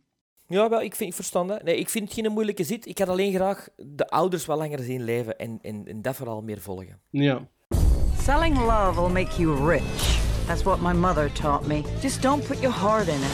This is the greatest revenue generating machine in the world. I don't want your money too. I just want to make love to you. There's no business like hoe business. Mijn film deze keer die ik gekozen heb voor jullie, dat was Love Ranch. Dat is een klein filmpje uit 2010 los gebaseerd op waar gebeurde feiten van het eerste legale bordeel in Nevada, uh, zo midden jaren 70. Uh, Grace, gespeeld door Oscar-winnares Helen Mirren, is een vrij geëmancipeerde vrouw die samen met haar man Charlie, gespeeld door Oscar-winnaar Joe Pesci, het bordeel Love Ranch runt. Nu, een huwelijk is eigenlijk weer een, een soort van uitgeblust iets. Uh, enkel de zakelijke belangen die staan nog overeind. Maar de komst van een zekere Armando, een Zuid-Amerikaanse bokser die heel veel succes uh, oogst, die zorgt voor het nodige geknetter binnen hun relatie. Want de komst van die bokser is eigenlijk bedoeld omdat Charlie van zijn Love Ranch een soort van evenementenhal wil maken waar uh, sportevenementen en, en, en allerlei grote uh, zaken gebeuren naast het bordeelgedeelte. Maar um, die gast die wordt verliefd op zijn vrouw. Dus er zitten twintig uh, uh, hoeren van alle soorten, blond, ros, zwart. Maar nee, die jonge professionele bokser, die wordt verliefd op die ouder wordende dame die heel veel charme heeft. En Charlie gaat daar natuurlijk niet mee akkoord. En hij wordt een beetje jaloers, dat is niet zo wat je kunt zeggen. En Joe Pesci-style gaat hij eigenlijk ervoor zorgen dat dat er van alles gebeurt uh, in die Love Ranch. De film is van Taylor Hackford. Taylor Hackford, die eh, we nog kennen natuurlijk van klassiekers als Ray en An Officer and a Gentleman en Against All Odds, is ook in het echte leven de man van Helen Mirren. Ik vind dit een ten onrechte uh, vergeten filmpje omdat uh, uh, er zit heel veel Scorsese in deze film. Heel veel Casino, heel veel Goodfellas. Natuurlijk ook door de komst van, van Joe Pesci. Maar Helen Mirren, een geweldige actrice, altijd opnieuw slaagt erin om een personage neer te zetten dat heel geloofwaardig is. De film die kostte destijds 25 miljoen dollar en heeft ocharme 134.000 dollar opgebracht. Dus we spreken hier van een gigantische flop. En toch vind ik dat een film die je zou moeten zien. Wat vinden jullie daarvan? Uh, ja, het is uh, inderdaad het is, uh, een film die wat vergeten is. En op zich vind ik niet zoveel verkeerd aan de film. Ehm, het begint goed. je zat direct in de sfeer van eind jaren 70, de disco days beetje Boogie Nights had ik het gevoel in het begin, maar ik wist wel dat het niet naar Boogie Nights ging gaan natuurlijk. Uh, ik schrok wel even toen ik Joe Pesci en Helen Mirren in beeld zag. Die zagen er echt oud uit. Vooral ja. Joe Pesci zag er oud uit, vond ik. Ja. Uh, terwijl de film is al zes jaar geleden. Hè. Maar ja, natuurlijk, ja, Home Alone is ook al... Uh, hoe oud? 25 jaar oud, 26 jaar oud. Zoiets, en, ja, ja. Goodfellas is nog ouder, denk ik. Dus, of hetzelfde. Dus ja, zo ziet het er uiteraard niet meer uit. Um, maar ik, het begon eigenlijk met de, ja, Joe Pesci, die echt Joe Pesci is. Hè. You motherfucker, you. En gitaar kapot slaan opeens zijn kop. En, en echt, ja, inderdaad, good, Goodfellas, Joe Pesci. En, um, dus toen, toen dacht ik eigenlijk nog dat de film eigenlijk over Joe Pesci ging gaan. Uh, omdat zijn vrouw wordt een beetje als side character geïntroduceerd. Maar uh, ja, al snel hebben we er dan natuurlijk door dat het over uh, het verhaal van Helen Mirren, het personage van Helen Mirren zal gaan. Um, wat vond ik nu van de film? Ik vond het... Um, ik vond het braaf. Ik vond het uh, een uh, onderhoudende film, met wel wat zwaktes. Maar ik vond... Uh, ja, ik heb er op een vrijdagavond naar gekeken. Je moet er niet veel bij nadenken. Dus het is zo'n typische... Het is een brave film. Dat, beter kan ik het eigenlijk niet omschrijven. Ik vond uh, de, de Helen Mirren speelde echt inderdaad heel goed. Uh, ja. Joe Pesci, als die Joe Pesci-modus is, speelt heel goed. Maar ik vond hem op een bepaald moment, helemaal op het einde van de film, enorm slecht spelen. Op uh, een gegeven moment probeert hij dan nog zijn, jullie zullen wel weten waarover ik heb, zijn, zijn vrouw te overtuigen om toch bij hem te blijven. Ja. Uh, aan het hacken zo, uh, dus eigenlijk het slot zijn eigenlijk. En daar vond ik hem heel slecht spelen, tenzij dat de bedoeling was dat we het niet als kijker niet geloofden. Maar dat, dat vond ik plots... Uh, die, de, die vijf zinnen die hij daar zegt, sprongen er echt uit voor mij. Maar de, uh, de zwakste schakel in de film vind ik uh, het personage van de bokser. De, uh, ja, dat is wel de Bru Bruza.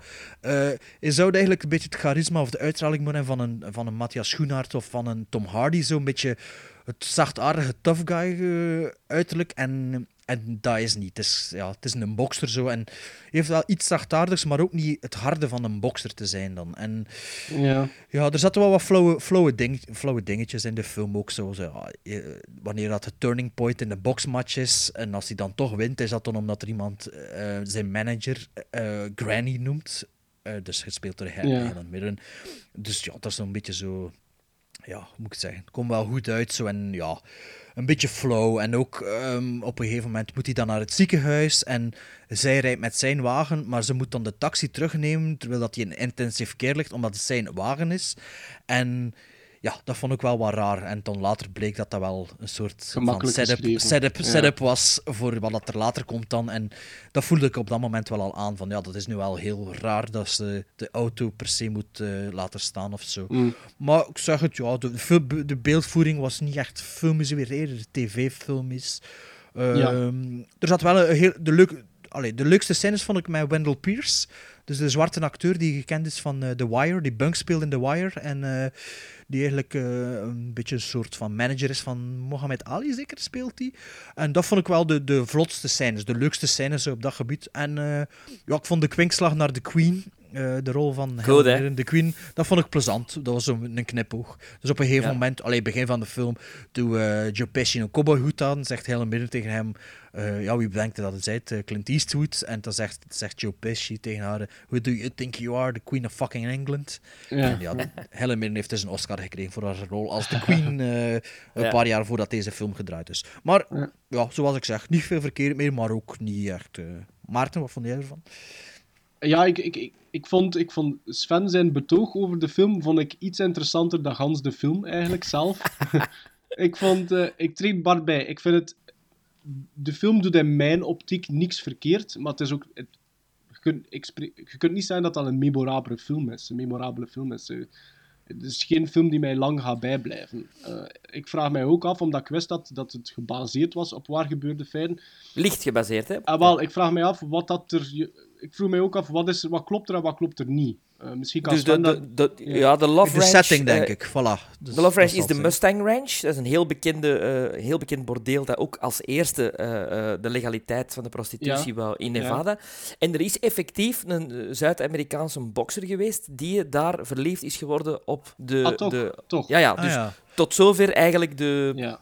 De de waarheidsgetrouwheid. story. Ja, ja. Ah, wel, Ah, ehm, ik, ik, ik vind Helen Mirren is heel goed. Om, daar kun je er niks tegen. Dat is, dat is gewoon zo. Ik denk eerlijk gezegd dat het grootste probleem in de film ligt bij Joe Pesci. Ik Allee. denk, ja, ik denk, ik denk dat er daar iemand anders aan. Ik denk dat ze iemand anders aan moeten casten dan Joe Pesci voor die film. Want het probleem is, Joe Pesci is altijd Joe Pesci. Ja. En ik had zoiets van, ik voelde hem niet goed in die film. Ik zat ook heel tijd te denken van, dus, allee, het is Joe Pesci van Goodfellas is hier. Of, of, en dan had ik zoiets van, ja, maar eigenlijk speelde jij niet dat, ik, datzelfde personage. En toch voelt, voelde dat zo aan bij mij. En ik denk, ik, ik kom er niet... Hij speelt niet slecht, hè. pas op. Hè. Het, het is, het is Joe Pesci. Maar ik had zoiets van... Ik had dat toch graag een keer gezien met iemand anders. Misschien dat er, er een, een, slikker, een slikkere acteur moet zijn, die zo Ja. de, meer pimp, pimp in hem heeft dan een soort gangster. eh, Zodanig Ja, ik had- dat ik ook had verklaart waarom dat die vrouw bij hem zou blijven, sowieso. Ja. Als die zo wat iets eh, smoother zou zijn, of, of Ja, ik- minder bruut. Ik vind ook, ik treed Bart bij bijvoorbeeld op het einde met zijn, zijn kleine speech eh, om, om, om zijn vrouw bij hem te houden. Maar ook, ik had zo... Ja, er zijn nog segmenten dat ik vind dat hij niet echt sterk voor de dag kwam. Gelijk bijvoorbeeld, hij, is gefrustreerd nadat dat hij te weten komt dat zijn vrouw iets heeft met die een bokser. Ehm, en dan, dan wil hij zijn eigenaarschap wat in de vers zetten van die Love Ranch door, door in de ruimte te gaan waar dat al de prostituees verblijven. En dan schopt hij daar wat keet. Maar ik, mm, dat, ten eerste vond ik dan al niet zo goed geschreven. Ik vond dat een beetje te duidelijk. Ehm, maar ik vond ook dat hij dat op dat moment ook niet goed deed. Dus ik had zoiets van, ik was aan het kijken naar Joe Pesci en ik was heel tijd aan het denken van, ah ja, het is Joe Pesci van Goodfellas en, en, en de gangsterfilms waaruit dat we hem best kennen. En ik, ik, ik, dat ontnam een beetje van, van de charme weg bij mij van de film. Dus ik was heel tijd aan het denken van, goh, wie zou dat nog, wie zou dat beter kunnen gedaan hebben? Dus, eh, maar Love Ranch is zeker geen slechte film. Ik, ik vind ook, het een beetje like dat Bart zegt, het is een brave film. Ik vind het een leuk, leuk verhaal. Ben blij dat ik die een keer gezien heb. Maar dat gaat niet lang blijven hangen bij mij. Oké, oké. Ja, ik ben een grote Joe, Joe Pesci-fan. Wat Dus- ik wel dus- wil zeggen, Sven, wat ik wel wil zeggen, Sven, Ja? en, en ik vond de soundtrack vond Ja. ik wel leuk. Allee, de, de, de muzieknummers, hè? De muzieknummers vond ik dat? wel de heel score. leuk. Ja, ja. Ja, Ja, ik de vond score. ook, eh, dat, dat, dat droeg ook bij tot het goede, de, de vibe zo'n beetje. Ja. Ik vond dat heb ik ook genoteerd, Dat inderdaad. is zo wat die, die een Spanish guitar, die er heel veel bij zitten. Ja, Zo, hè. ja. Ik, dat vond ik wel... ehm, dus, vond- ik wou dat zeker melden, Sven. Dat, dat, de, hè, dat ik dat wel heel goed Dat is vond. goed. Het is ook de laatste film die Joe Pesci heeft gemaakt. Eh, daarvoor was het zelfs geleden eh, van ehm, die film met Damon en Robert De Niro, dat hij nog een The Good Shepherd, waar hij een, een, eh, Oh, ja, ah, ja, ja, een kleine cameo in had. En, en ja, hij, hij doet ook niet veel niet meer. En ik vind dat persoonlijk wel jammer, want ik, ik hou wel van de Joe Pesci.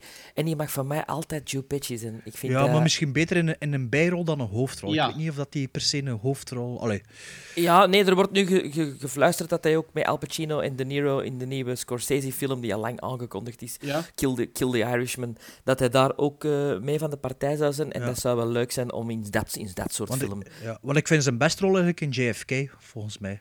Dus, eh, van Ja. Joe Pesci. hè. Allee, dat Ah, is, ja, ja. Daar speelt hij zo iets anders, zo, hè. dus... Allee, de- Ah, ik wel, vind ik- in ik- Raging, Bull, ik. Raging Bull vind ik toch ook heel Ja, straf van hem. was ik inderdaad vergeten. Ja, Maar dat Bull. miste ik dus. Dat miste ik. Zo het gevoel van, ah, hij is hier iets anders aan het spelen. Dat miste ik in die Ik denk niet dat hij veel anders kan. Ik denk Ja. dat niet. Nee, nee, dat is, dat is wel waar. Ja, maar je kunt het, hij kan het dan blijkbaar wel, al is het misschien een beetje downplayed, maar als Bart zegt, zoals in JFK, of en als Sven zegt in Raging Bull, en ik had zoiets van, ik zie hier dezelfde Joe Pesci dat ik al altijd gezien heb. Ja, Ja, dat vond ik wel jammer. Ja, ja. Oh ja, Home Alone vind ik hem eigenlijk ook wel goed spelen. eh. dat is toch Ah, ietsje anders. eh. Ja, ja, ja. Trouwens, ik En vond... Lethal ik- Weapon. Ik, Drie. ja, maar dan is ook, dat vind ik, ja, ik vind Joe Pesci in, Lethal, in de Lethal Weapons, vind ik, zeker in de vierde, vind ik ook niet zo goed, hè. Ja, ik wel. Ja.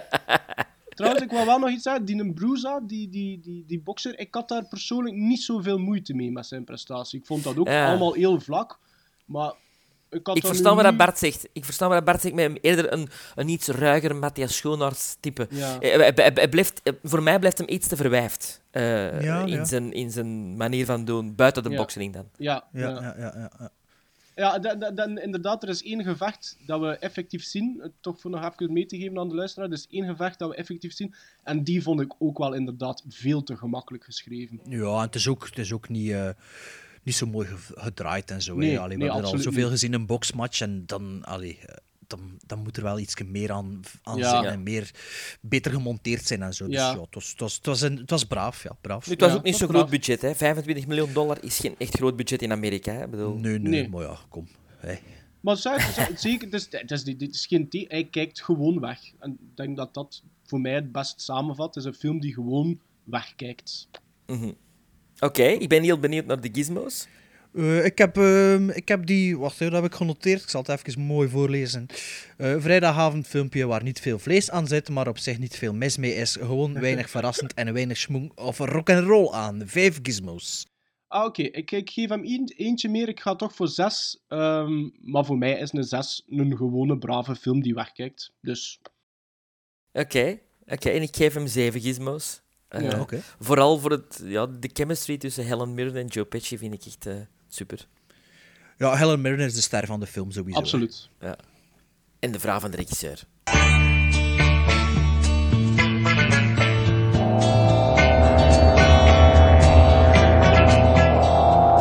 They wanted to see something different, but something different saw them first. The Hills. alive with the sound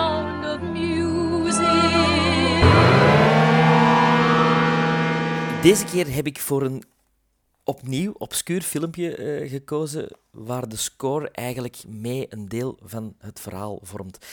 Het is een film uit 84, als ik me niet vergis, het geboortejaar van Maarten. Eh, een film van Fred Schepisi. Fred Schepisi, ehm, die je misschien kent van films als Roxanne, Plenty, The Russia House, A Cry in the Dark.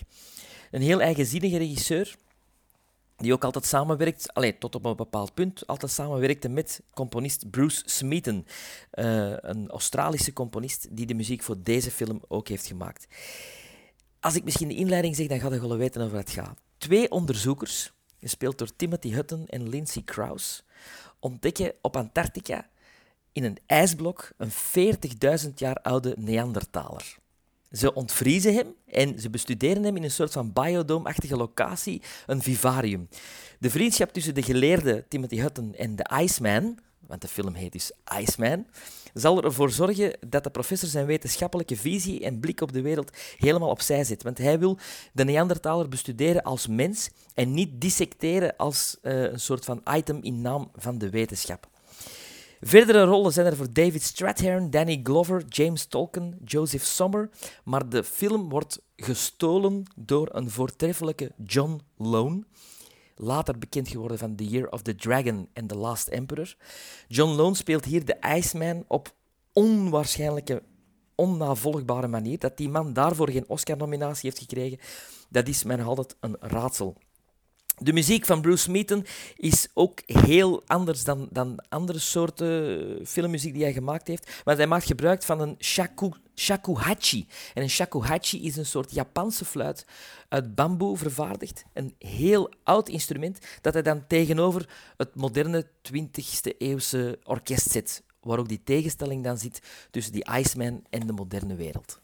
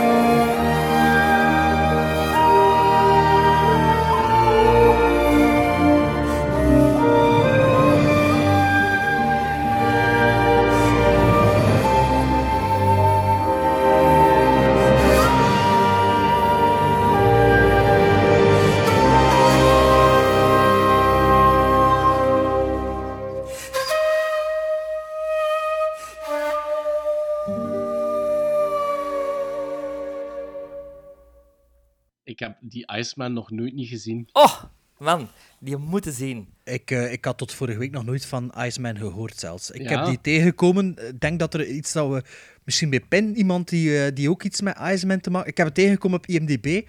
Dus op IMDb viel het me eigenlijk wel op, de film, omdat ik de Iceman ken ik met uh, uh, onze vriend van Michael Shandon. Shannon? Ja, de, ja Michael Shannon. Ja, ah, wel, daarmee dat ik zag, ah, zou dat ook over dezelfde, omdat er waren gebeurd verhalen, over dezelfde ja, ja. gaan. Dus de, vandaar dat ik de film is me deze week opgevallen. Maar ik had er anders nog nooit van gehoord, dus ik uh, kan Ja, ik heb, een voorliefde, ik heb een voorliefde voor, voor, voor prehistorische dingen. Want een paar weken geleden was de Clan of the Cave Bear en nu is het Iceman. Ja, ja, um, ja, ja. Maar, zeg maar, ja. maar Sven, Sven kadert nog niet. Sorry, zeg maar. In welk genre situeert Iceman zich? Uh, um, de Iceman situeert zich in het genre Rise of the Planet of the Apes. Ah ja, oké. Okay. Oké. Okay. Dus er zit een vluchtje science fiction, er zit wat drama in. Zo van ja, ja, je hebt ook een, een, het, het biodome-gevoel. Dus, dus ja. John Lone um, is, is die Neandertaler die, een uit, uit, uit die een ijsblok komt en dus opgesloten zit in een biodome. Dat ook ontdekt dat dit niet echt is, maar dat het, dat het uh, een, een, gevangenis, een gevangenis ja. is. Maar Timothy Hutton uh, creëert een vriendschap met hem. Uh, leert hem ook woordjes Engels, een beetje zoals in The Rise of the Planet of the Apes. Uh, en, en dan krijg je ook een heel ja, menselijk drama eigenlijk. Want wat moet er gebeuren met, met zo iemand? Moet je die heel zijn leven in een gevangenis zetten? Of moet je die echt, ja... Het is niet like Encino Man of California Man of Biodome met, uh, nee, met nee, Polish nee, Shore is, of zoiets. Nee, nee, nee het, is, het, is, het is echt een, een, ja, een, een diep menselijk drama. Met een klein beetje, het begint een beetje zoals The Thing van John Carpenter. Ja. Dan komt er een beetje warning sign ook door het uh, Biodome gegeven. En dan is het een beetje Planet of the Apes. Heeft, allez, Rise of the Planet of the Apes heeft zijn mosterdtaartenhoek gehaald. Heb de, kun je misschien verklaren, Sven, waarom dat want je, je, gaf het zelf aan, obscuur, hè, een obscuur filmpje. Bart en ik hadden er nog nooit niet van gehoord. Heb je, heb daar een verklaring voor? Wat, is er iets in die film dat, dat, dat verklaart waarom dat die wat van de radar dan verdwenen is? Wat, in die periode, jullie hadden ook nog nooit gehoord van de Clan of the Cave Bear, natuurlijk. En in die Nee. periode hadden dus een, een, een, een, tros van films die zich over de prehistorie afspeelden gehad. Eh, La Guerre du Feu is er een beetje mee begonnen. Ja. De- dan eh, Iceman, The Clan of the Cave Bear. Ehm, ik denk dat dat in die periode in de videotheek, althans voor mij, heel eh, aanwezig was. En Ja. dat ik die films Ja. eh, door, de, door de kaft alleen al, ja, Ja. wauw, een Iceman. Trouwens, Ja. zeven jaar na deze film, dus in 91, is er een echt een Iceman gevonden. ah ja, Eh, juist, ja, ja, dat weet ik nog. Die een ik heet, ik, heb het opgeschreven, Ötzi, Ötzi, de Iceman. ja, Ja. ja, ja, Maar En die is wel niet de- levend gemaakt, hè. Niet levend gemaakt, maar wat dat wel straf is, de inhoud van zijn maag was hetzelfde als dat in de film werd gezegd wat er in de maag van een Allee. Iceman eh, zat. Ja, ja, ja, ja. Dus er is iets profetisch aan de film. Ja. Of toch wetenschappelijk correct, in ieder geval. Wait a minute. Wait a minute, Doc. Uh, are you telling me that you built a time machine? Out of a DeLorean?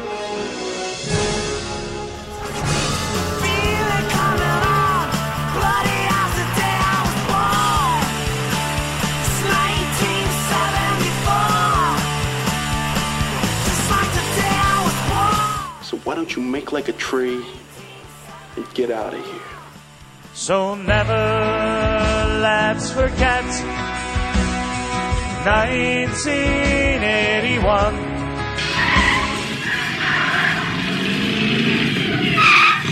Hey, Doc, we better back up. We don't have enough road to get up to 88. Roads?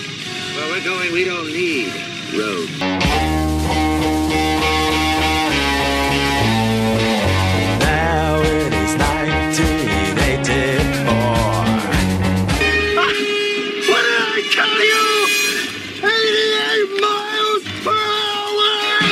Ja, we hadden dus voor eh, eh, deze keer een Back to the Future eh, item eigenlijk. We gaan ons geboortejaar gebruiken en daar in Grasduinen in dat jaar, om daar de persoonlijke top 3, wat, dat, wat wij vinden dat de, de, de, de meest prominente of de meest, allee, de beste films van dat jaartal zijn die we gezien hebben, uiteraard. Er zijn ook films die we nog niet gezien hebben in ons geboorte, van ons geboortejaar. En ik als eh Bompa van de drie zal dan maar beginnen. Bompa Gremlin. Bompa Gremlin. Ehm, met mijn geboortejaar, dat is het eh, gevleugelde jaar 1974. Nu, in 1974 valt het nog mee, vind ik. Maar zijn er wel drie films die er voor mij uitschieten, dat ook wel instant classics zijn, die in vele top 20's zelfs eh, te zien zijn, volgens mij. Top 20 aller tijden. Top 20 aller tijden, ja. Ja, ik ja, be- ja. begin even met mijn, ehm, met mijn nummer 3 van 74. Een film van Francis Ford Coppola. The Conversation. Ja. Met Ja. Gene Hackman eh, in een, een, een, een rol, eh, een van zijn beste rollen trouwens, waar hij eigenlijk als ehm, intelligence man gesprekken moet afluisteren van op afstand. ehm. we situeren dit ook in de jaren 70, dus de technologie is nog niet wat het is zoals in de Mission Impossible films. Het is een hele trage film, maar Ja. heel spannend, met weinig middelen. eh, heel spannend gemaakt. Ja. The Conversation staat bij mij op drie. Nummer twee, daar hebben we het een paar weken geleden over, uitgebreid over gehad. eh, Young Frankenstein. Ja, ja, ja. Is van 74, van Mel Brooks. Ehm, ja, voor mij een van de beste comedies aller tijden, dus zeker in 74, mijn nummer 2. En mijn nummer 1 is ook een film van Francis Ford Coppola, The Godfather Part 2. Ja. Voor mij de, Ja. beste, de beste Godfather-film. Had, dat, had dat in een andere aflevering al een keer laten vallen, dat je die Ja. veel beter vindt dan, dan, dan wat dat ja, menig man daarvan vindt. Hè? Nee, nee, over drie, ging, over drie ging dat, dacht ik. Ja, Ah, maar wel. ook over twee. vindt Over... de Godfather 2 toch goed. Allee, dat is... Ah, ja, Ja, maar ja, ook, ja, ja, ik heb het ook nee, eens gezegd over twee. Ik heb het ook eens gezegd Ja. over twee. Dat ik Ja, dat, oké, eh, maar 2 wordt al algemeen al zien als een van de beste films aller tijden. Dus ik denk niet Mm. dat er daar veel discussie... Over Nee, nee, drie ah, ja. natuurlijk wel, maar... eh, Wat dat in twee zo tof is, is dat je die, die, die flashback hebt met Robert De Niro, Ja. die dan de jonge Vito Corleone speelt. En die aankomst in Amerika via Ellis Island, eh, hoe dat, dat Ja. tijdsbeeld van toen, dat vind ik grandioos in eh, Godfather Part 2. Ja, eigenlijk is het wel straf, hè, want dus uw top 3 is dus The Conversation en The Godfather 2, wat dan inderdaad top, top 50 aller tijden staan die twee films er bijna altijd in. Sowieso The Godfather 2. Dus die Francis Ford Coppola heeft in dat jaar twee van die films afgeleverd. Ja, dat En is ongelooflijk, hè?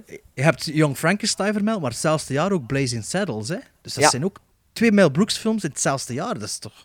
Ja. Allee, je zou dat nu toch niet meer kunnen voorstellen, dat, Nee, dat een nee, nee. regisseur twee films eh, bij, op tien maanden van elkaar die van die kleppers, eh, twee van die kleppers aflevert. Dat is toch... eh, allee, Maar ik ben blij dat eh, bij u de Conversation ertussen zit. Ik vind dat ook een hele goede film. Ik vind dat, echt- Ja. ik Ja. vind dat een fantastische sterke Hackman daarin. Mhm.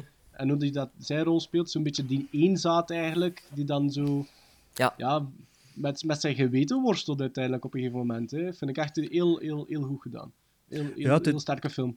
Ja, ja, ja. Ehm, ik heb ook een top 3 opgesteld. Allee, ik zal er niet, niet te veel over uitweiden. Ehm, mijn nummer 3 is. eh, ik, heb, ik heb eigenlijk gedacht van, stel je voor, ik, eh, ik zie nu die films voor de eerste keer in dat jaar en ik moet op het einde van het jaar mijn top 3 van het jaar op. Ah, wel, zo heb ik je dat ook gedaan.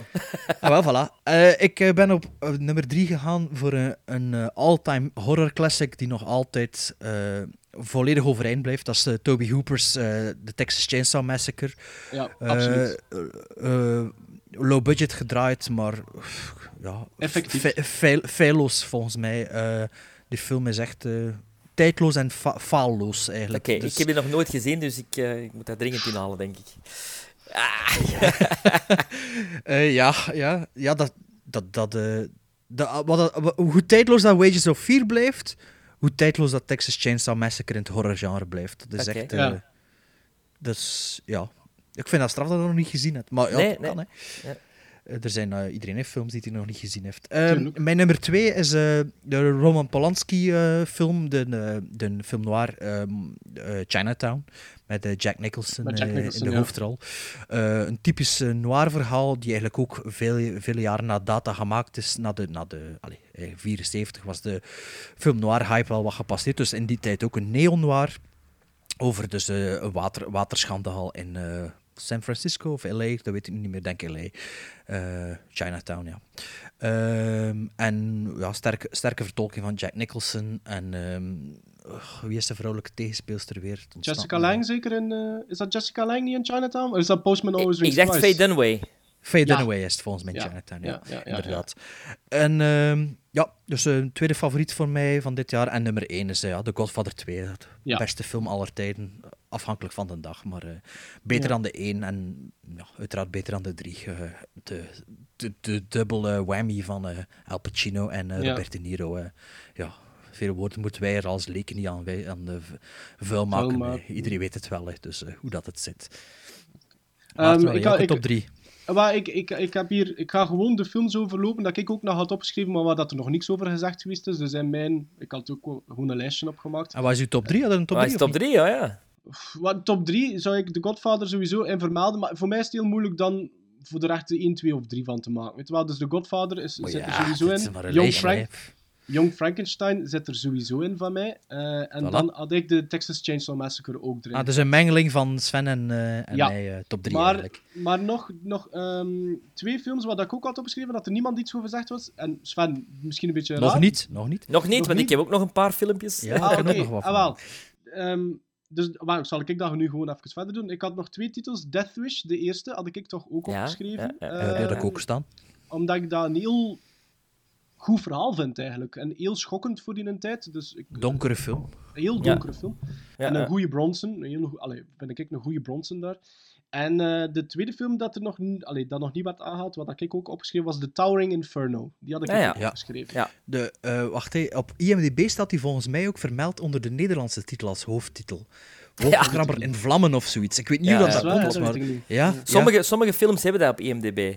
ja, maar zou dat dan zijn omdat we regio België zijn of Vlaanderen? Of zou dat, ja, zou dat Geen de idee. titel geweest zijn? Geen Ja. idee, want The Lord, of, Lord of the Rings staat ook in, eh, in, de, de, in de Vlaamse vertaling, en Nederlandse vertaling op IMDb. De, de originele of de, de Peter Jackson eh, Lord De of the Peter Rings? Jacksons, ja. Is het echt? Zeg maar, Ja. trouwens, maar heeft, want ik denk niet dat als ik de Towering Inferno opzoek, dat, dat, dat, dat ik de Nederlands markant dat niet te maken hebben, omdat jullie alle twee een account hebben, die gelinkt staat aan een land. Ja, dat ah, kan. ja, omdat, Dat omdat kan. wij BV's zijn eigenlijk, ja. ja. Maar jullie zijn... eh, Ah, dat, Dat zou kan. kunnen, ja. Misschien, ja. ik heb er niet zoveel vragen mee gesteld. Want Eh, ik, ik- had ook Dead Wish en Towering Inferno. Ik heb Towering Inferno vorig jaar eigenlijk maar voor de eerste keer gezien. En die mocht eigenlijk wel, denk ik, een half uurtje, half uurtje korter zijn. Zo. Ik heb ooit zo eh, een film gezien. Goh, maar nu moet ik even denken. Fire on the 42nd Floor of zoiets. Misschien zelfs een tv-film. Ten tijde van Backdraft heb ik die film ooit gezien. En dat vond ik veel spannender. Een beetje hetzelfde concept. En eh, misschien dat Towering, in Towering Inferno iets te traag is voor mij, in mijn opinie. Ja. Ik heb er nog twee van dat jaar die mm, eh, allee, noemenswaardig in mijn optiek zijn. Dat is Murder on the Orient Express. Met Mhm. een geweldige Albert Finney die de beste Hercule Poirot ever neerzet. Ehm, en Man with the Golden Gun. Een van de betere James Bond films, volgens mij. Ah, ja. Ik, heb, Ja, eh, ik heb nog een paar staan, maar dat eigenlijk vooral omdat dat eigenlijk een soort van classics zijn, maar niet omdat ze goed zijn. Dus eh, 1974 is het ook het jaar van de eerste Emmanuel-film. het, is ook, ja, het is ook het jaar van eh, de eerste Benji-film, de film met de hond. Hè. Ja. Eh, en het is ook eh, het jaar van ehm, eh, Herbie Writes Again, dus de tweede Herbie-film. Ja, Zo. ja. Dat zijn eigenlijk drie, allee, Emmanuel, Benji en eh, Herbie Writes Again, eigenlijk drie childhood classics eh, om een andere reden. Ja, oké. We gaan naar 1981. We gaan naar Bart. Eh, 1991, hè, jongens. Oei, verkeerd. Ja, 1981. Ik vond het persoonlijk wel al wat moeilijker om een top 3 op te stellen dan zal voor wel zijn. 1974. Ehm, ja, als je ziet wat er dat jaar allemaal uitgekomen is. Ehm, Ik heb een paar heel veel vermeldingen, omdat het, eh, ja, 2 en 3 variëren waarschijnlijk vandaag weer met gisteren. Dus eh, ik zal na mijn top 3 toch wel de, de eervolle vermeldingen direct tegenaan kletsen. Ja, wel, Eh, op heel 3 heb ik voor gisteren gekozen voor Das Boot van Wolfgang Petersen. Een lange film, maar ik vind het, eh, het blijft boeien. Het claustrofobische gevoel blijft overheersen in de film. En ja, het is lang geleden dat ik hem gezien heb, maar ik heb eigenlijk zin om hem nog eens binnenkort te be- herbekijken. Omdat ik... de film is, Hanse film lang spannend. Een beetje zoals Wages of Fear, een eh, onderhuidse spanning die eigenlijk eh, elk moment kan eh, exploderen. En, Ja. ja. Even een tip, als je zelf de Blu-ray of de DVD in huis hebt, zorg dat die in het Duits staat. Want ik weet, mijn DVD staat als je hem gewoon op play doet, gedubt in het Engels. Dus de, de film is wel degelijk in het Duits. Dus als je de film begint te kijken en ze spreken Engels, rap even verzetten. Hè. Dus eh, schandalig dat dat zo is. Eh, mijn tweede, eh, top, nummer 2 van mijn top 3, 1981, is een klasse A-B-film eigenlijk. Eh poep, poepsimpel verhaal. ehm, stel niet veel voor, maar zo, oh, zo invloedrijk en oh, zo fantastisch is Escape from New York van John Carpenter. Heeft zoveel films beïnvloed, ehm, vooral in de B-genre, maar ja, Snake Plissken, gespeeld door eh, Kurt Russell, is fenomenaal. Het verhaal is fenomenaal. Eh, ik zeg het, stel, stel niet veel voor het verhaal, maar het is zo eh, goed gedaan en eh, ja, perfect eigenlijk. De score is ook fantastisch, eh, wat dat Sven me waarschijnlijk wel zal beamen. Absoluut. En eh, ja, nummer 1 ja, is pff, ja, sommige dagen mijn favoriete film aller tijden is The Raiders of the Lost Ark, de Indiana Jones film. Ja, Geregisseerd door. Steven Spielberg. Eh, Ja. ja. wie, wie, wie naar deze podcast luistert en de film nog niet gezien heeft, eh, ja, doen. Hè. Eh, ik denk dat mijn co-hosts voor volmondig ja zullen knikken als, eh, als er iemand eh, zou zeggen dat ze die film nog niet gezien hebben. Dus eh, als je die nog niet gezien hebt, ja, kijken. Hè. Beste film aller Ja. tijden. Ah ja, en mijn even de vermeldingen. Dus wat dat er nog een- mogelijk top 3 was, was Evil Dead, An American Werewolf in London, Time Bandits van, Oh ja. van Terry Gilliam. Ja, vond ik als, als kind of als puber enorm goed. Moet ik Ja. dringend nog eens herbekijken. En een film die mij altijd is bijgebleven, die ik ooit op televisie gezien heb. ehm, en waarvan ik eigenlijk een Turkse poster in mijn hang heb, opgehangen heb, is eh, een film met eh, eh, Lee Marvin en Charles Bronson. Death Hunt. Dead, Dead Hunt. Ja, En eh, oké. ja. Eh, Maarten, ik weet niet of jij de film kent? Nee, ik ken hem niet, nee. Wel, het gaat eigenlijk... Ja, dus de film begint eigenlijk, en ja, je zal het niet graag hebben waarschijnlijk, begint eigenlijk met hondengevechten in eh, Alaska. Ja, dat heb ik niet graag, hè. Nee, en eh, dus, dus op ja, er is een hondengevecht en er is een hond eigenlijk op sterven na dood. En ze willen die eh, neerknallen, als ik me niet vergis. Maar ik zeg, het is echt lang geleden dat ik hem nog gezien heb. Ze willen hem dus Ja. neerknallen, maar Charles Bronson komt dus in Charles Bronson-stijl eh, op de proppen en neemt gewoon de hond mee en, om hem te redden. Ja. Waarna er eigenlijk een soort manhunt volgt op de man die, die, die de, de jagers het verboden heeft om eh, hun hond te slachten, eigenlijk. Eh, en daar gaat de film eigenlijk over, over de, de death hunt eigenlijk op eh, Charles Bronson. Alle. Dus, eh, Maar ja, goed, dus, dat, ja. ja, dus dat, dat was mogelijk ook een top 3 geweest. eh, Ja, eh, geweest. ja. Maar het is te lang geleden dat ik hem nog gezien heb. Maar die- ik heb die twee keer als kind gezien en dan heb ik eh 15 jaar lopen liggen zoeken naar wat het de naam was van die film. Omdat er toen Ja. nog geen internet bestond. En eh, Ja. die moet ik eh, dringend eens scoren op een of andere Alright. manier. Oké. Top 3 van jullie? Op drie, een film van Milos Forman. Ehm, voor mij een hele mooie film, omdat hij een tijdsbeeld schetst dat ik nog in weinig andere films heb gezien over die periode. De film heet Ragtime. En gaat eh, over begin 1900 in Amerika. Je krijgt verschillende verhaaltjes. Het is een kaleidoscopisch film. Eh, je krijgt een verhaal van eh, Afro-Amerikanen die, die voet zetten in een grote stad en daar toch tegenkantingen krijgen van de lokale Ku Klux Klan. Je krijgt het verhaal van een immigrant, een Joodse immigrant uit Rusland, die zich wil opwerken als filmregisseur. Je krijgt het verhaal van een brandweerkorps dat toen eigenlijk meer maffia was eh, rond de eeuwwisseling dan we nu gewoon zijn. Rollen van Mandy Patinkin, James Cagney in zijn laatste rol, ehm, Elizabeth McGovern, Brad Dourif. En ja, als je hem niet gezien hebt, zeker de moeite. Eh, staat voor mij zelfs qua film naast The Godfather Part 2. Zelfde, zel- zelfde periode eh, piece. Hij heeft heel Ja. veel Oscar-nominaties ook gehad. Ragtime van Milos Forman. Ah, Oké. Milos Forman is ook eh, degene van One Flew Over the Cuckoo's Nest. En ik van vergis. Amadeus. Eh, ja, Amadeus. Maar One Flew Over the Cuckoo's Nest was je geen, ben je geen zo'n grote fan van, hè? klopt? Ah, ik... Nee, Sven? Ik? eh, Jawel. Ja? Jawel. Oh, ik dacht dat, dacht dat ik 1.5 gezien had op, IM, op eh, Letterboxd, maar Nee, ik zal dat niet verkeerd mij. her- Dat is niet van herinnerd mij. hebben. Oké, oké. ik kan niet meer zoveel neuzen in uw files. Jawel, doen, doen, doen. Dus, dus drie, Ragtime. Twee, Southern Comfort. Oké, ken ik van naam, maar weet ik niets ja, over. is, is een, een deliverance van, van de jaren tachtig. Eh gaat over een groepje eh, paracommando's die eh, oefeningen doen in Louisiana, in de swamps. En op een of andere manier daar de lokale bevolking heel eh, kwaad eh, maken. En die doen een soort manhunt en die vermoorden één voor één eh, die gasten van dat team. Twee acteurs die daar schitteren zijn Powers Booth en Keith Carradine. Ja. En ook Fred Ward zit erin. Dus het is wel een, een ensemble stukje. En ik, dat is een film die ik mij altijd blijf herinneren. Als, als kind heb ik die echt verslonden op video. En ik blijf dat een hele eh, ja, straffe film vinden. Southern Comfort. En één, één ja, Raiders of the Lost Ark. There is no question about that. Ja, Eh, ja, ja, ja. Zelfs inderdaad top 5 beste films aller tijden. Ja. Honorable mentions van dat jaar voor mij: American Werewolf in London. Net niet in een top 3, maar toch Ja. een Ja. hele straffe film. Ja. En twee tekenfilms dat jaar die ik heel, heel straf vind: The Fox and the Hound. Voor mij nog altijd een van, een van de beste eh, animatiefilms. Dat is Disney ook, hè? Dat is Disney, zeker op, op Ja. het emotionele vlak eh, is dat voor mij de E.T. onder de animatiefilms. En Heavy Metal, dat blijf Oh ik... ja, is dat een is dat tekenfilm? 81? Is dat- Ja, ja. Is Ah, dat ik wist niet dat dat 81? animatie was, eigenlijk. Ja, ja. Ja, ja, Ja, ja. die heb ja, ik dat, beide ja. nog niet gezien.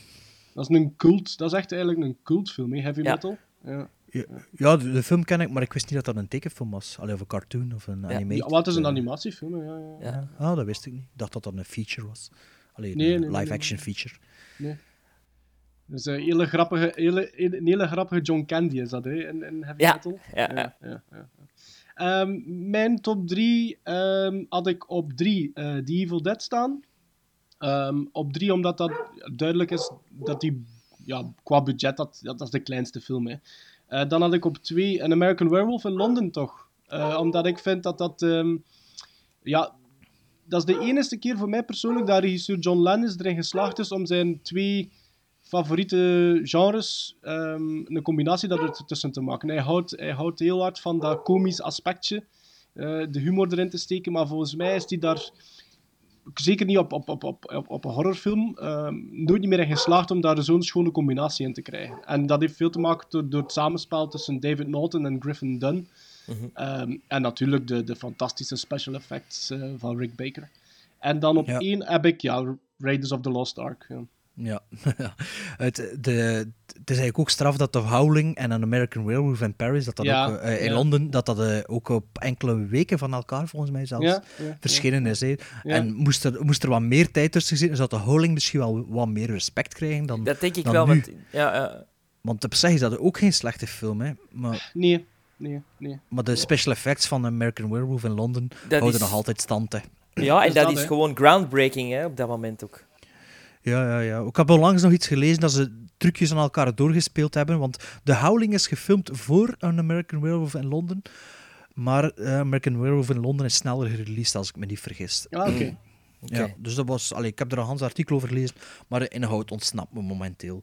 Ehm, en nog eh, honorable mentions of films die even moeten vermeld worden? Anders, Ik had, eh. ik had bij hetgeen dat er nog niet vermeld is, had ik ook nog gewoon eh The Postman Always Rings Twice opgeschreven. Met, eh, ook weer met Jack Nicholson. En Sven, Mad Max Fury, eh, The Road, eh, Road Warrior? Eh, Mad Max Ja, Max die, 2. inderdaad. Die zit er net niet in, maar die staat ook op mijn lijstje nog. eh met Ja, Max ja. 2. eh, Clash of the Titans, een originele. Ja. Ook, eh, ook leuk. En Dragon Slayer ook. Ah, ja. Ik heb nog eh Porky's. Eh, ook, ook een klassieker. Eh, Ja. Scanners is ook van 81. Blowout. Eh, Cannibal Ferox, de Italiaanse kannibalenfilm. Ja. Ik ben wel fan van die, van die serie. Mm. Eh, The Beyond van Fulci. Van, Ja. eh, en eh, Mrs. 45 van eh, Abel Ferrara. Vind ik ook een klassieker, een donkere klassieker. En eh, Piranha 2 van eh, James Cameron. James Cameron, ja. ja, ja, ja. Oké, we gaan nu naar eh, 1999 met Maarten. Hè. Het Nee, jonkie uit 19 84. Ja, dat is wel... Allee, dat is, dat is abnormaal, dat jaar, hè. Dat is niet normaal. Dat is voor, voor mij het 84. beste filmjaar ooit. 84, top 20 daar kun je- anders? Daar kun je 26 top 3's van maken, denk ik. Van 84. Niet normaal. Eh, niet normaal. Ja, het is dat, daarom is het ook heel moeilijk hè, geweest voor mij. Ik, ik, het is ook heel moeilijk van in die top 3 dan nog een keer in een 3-2-1. Allee, dat, dat varieert voor, voor mij. Eh, maar ik Ja, zal het dan toch ook. maar doen. Hè. Ehm, ik zet op 3, gewoon omdat dat de, de minst surprising zal zijn, zet ik Gremlins. Ja, Ja. dat is... Ja, ja, wat moet je daarover gaan zeggen? Hè? Dat is gewoon een hele leuke film. Ehm, ja, moet, moet, ik, moet, ik- moet, ik- moet, moet ik het uitweiden? Moet ik het verhaal uit Wel, boeken doen? ik, denk, dat ik, denk, ik denk dat de films van 1984 die we en in onze top 3 staan en honorable mention hebben, dat iedereen die wel kent, zeker. kent die, hè, ja. Toch, als Dus- je weet wat dat een podcast is en ons weet te Ja. vinden, denk ik wel dat je die films kent. Ja. En als je ze nog niet gezien hebt, maar kent ze wel, kijken, hè, want ja, Ja. 84, topjaar. Hè. Dus pakt, op 3 zet ik dan Gremlins. Op 2 zet ik Ghostbusters. Ja, moet daar ook niet veel meer over gezegd worden. En op 1, maar dat is dan gewoon personal favorite, is, staat wel bij mij de eerste Nightmare on Elm Street. Ah, Omdat, ja. ik, vind dat, omdat, ik, vind- omdat ik vind dat dat een echt een... eh, dat is echt een, een, een, een groundbreaking horrorfilm geweest, vind ik. Nog altijd. Tot aan de dag van vandaag. Eh, Hou nog steeds stand, hè. Houdt nog absoluut steeds stand. Ehm, dus daarom, ehm, ja, het is misschien eh, de, de, een pact, eh, de 84 is pact qua, qua films dat je kunt uitkiezen. Maar het is zoals dat. Bart zegt, maar het is zoals dat Bart zegt. Ik, ik zei het, ik, ik heb hier nog vier andere of drie andere honorable mentions staan, gewoon omdat ik wou stoppen op een gegeven moment. Ehm, ik heb The Terminator staan, ook van 84. Eh, toch in dat genre sci-fi ook een, een hele belangrijke film geweest. Ik heb eh, Indiana Jones and the Temple of Doom heb ik staan. En dan heb ik ook nog eh, Once Upon a Time in America staan van Sergio Leone. Omdat ik vind dat ja, het samenspel van De Niro en James Woods ehm, daarin. En Joe Pesci. en Joe Pesci. En het feit dat het ook zo'n verhaal is dat verteld wordt over een jaar of 30, 40, denk ik, eh, uiteindelijk. ehm, vind ik zeker de moeite waard. Dus dat is mijn 84, jongens. Ja. Oké. Mijn, mijn- mijn eh, 84 is ehm, ja, op 3 Ghostbusters. Ja. Op 2 Indiana Jones and the Temple of Doom. Hm. Omdat ik de tweede vind ik ook even, allee, bijna even goed als de eerste.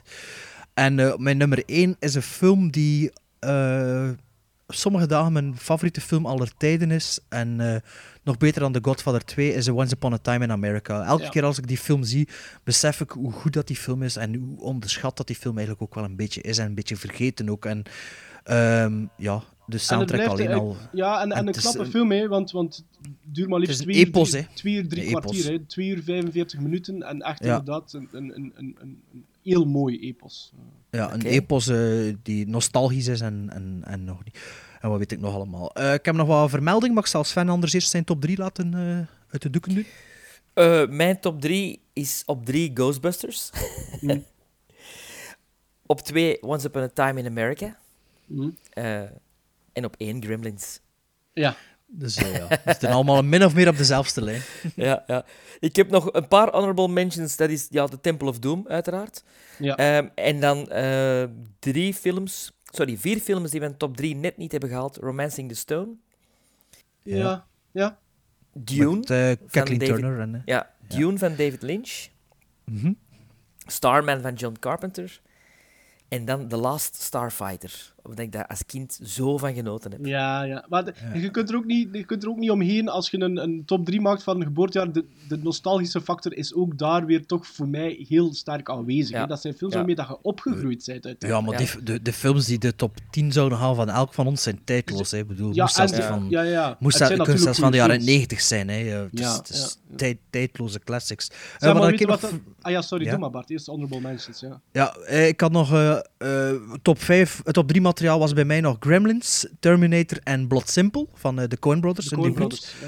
En verder heb ik nog staan, want dat is ook allemaal nog van 84. Hou je vast, Beverly Hills Cop 1, The Karate Kid 1, Nightmare Ja. on Elm Street, zoals vermeld. Top Secret met eh, Val Kilmer. Ja. This is Ja. Spinal Tap, Romance in the Stone, zoals Sven vermeldde. Mhm. The Killing Fields, eh, Ja. Splash met de Daryl Ja. Hannah.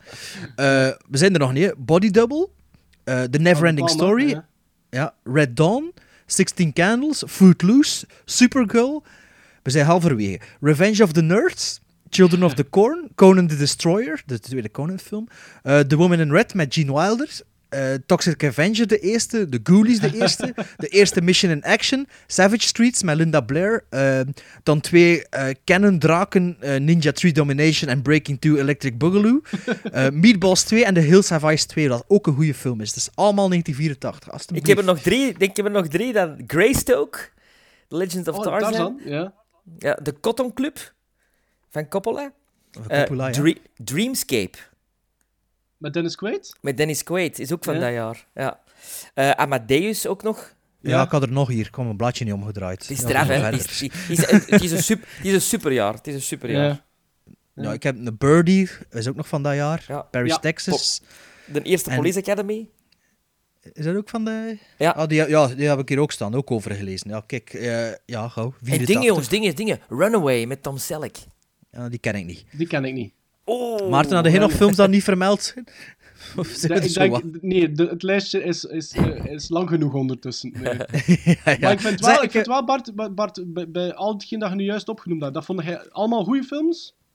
Nog, want Children Eh, of the Corn ja. 1 en The Hills Have Eyes 2, Nee, sorry, nee, maar dat nee. Dus, dus niet. vermeld wat er dat jaar allemaal uitgekomen is. Want Ja, ja. allee, ik Wat wil ik maar wel- aantonen wat dat ik voor... wel- Wat ik wel even wou zeggen, als, als liefhebber van, van, van het horrorgenre, is dat je wel heel duidelijk merkt, ehm, als je ouder gaat, dat je steen goede horrorfilms tegenkomt nog. Hè? Ik denk, Ja, ja, moesten. We, moesten, moesten wij eh, top, tops moeten maken uit... Allee, dat, dat denk ik toch. Vanaf 90 of zo zou het qua, op vlak van horrorfilms moeilijker worden. Hè? Ja, ik vond ook, ik heb dus ook opgezocht, movies released in, bla bla bla, hoeveel Ja. horror classics dat er daar Ja. tussen staan eigenlijk. En, Ja. en, en ook procentueel gezien hoeveel. Ja. eh, Ja, dat is. Ja. Dat is. dat, eh, nu, ja, nu hadden we wat rommel zo. Ja. Vergeleken, eh, ja, de jaren 80 waren de, de golden 80s. Ja, ja, ja, absoluut. absoluut. Zij, ehm, we hebben wel nog geen dinges gedaan. ehm, een eh, nieuwe Stockholm-syndroom geïntroduceerd. Maar eh, ik heb al dus een voorstel. Mhm. Bijvoorbeeld Sven heeft Texas Chainsaw Massacre niet gezien, om maar iets te zeggen. Ja. Ehm, misschien moeten we van, e- van eh, 1974, 81 ho- of 84 gewoon een film kiezen voor onszelf, zonder dat we het aan de anderen zeggen. Dat we nog niet gezien hebben. En eh, volgende week, eh, volgende aflevering, eh, bespreken we die gewoon en verrassen we elkaar met onze keuzes. Alright. Super. Is dat goed? Ja, Cool. super. Oké, oké, we kunnen op onderzoek.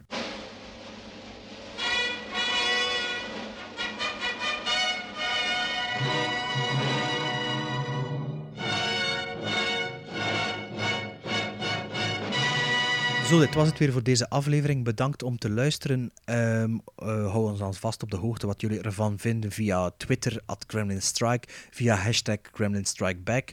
Volg ons op Instagram eh, op Gremlin Strike Back, eh, via Facebook ook Gremlin Strike Back. En ja, ja, ook via Gmail, at eh gremlinstrikeback, gmail.com. En geef ons een star rating, geef ons een review, eh doe ervan wat jullie willen, of blijf gewoon vooral luisteren. En bedankt tot de volgende keer. Tot aflevering 7. Now, was that civilized? No, clearly not. Fun, but in no sense civilized.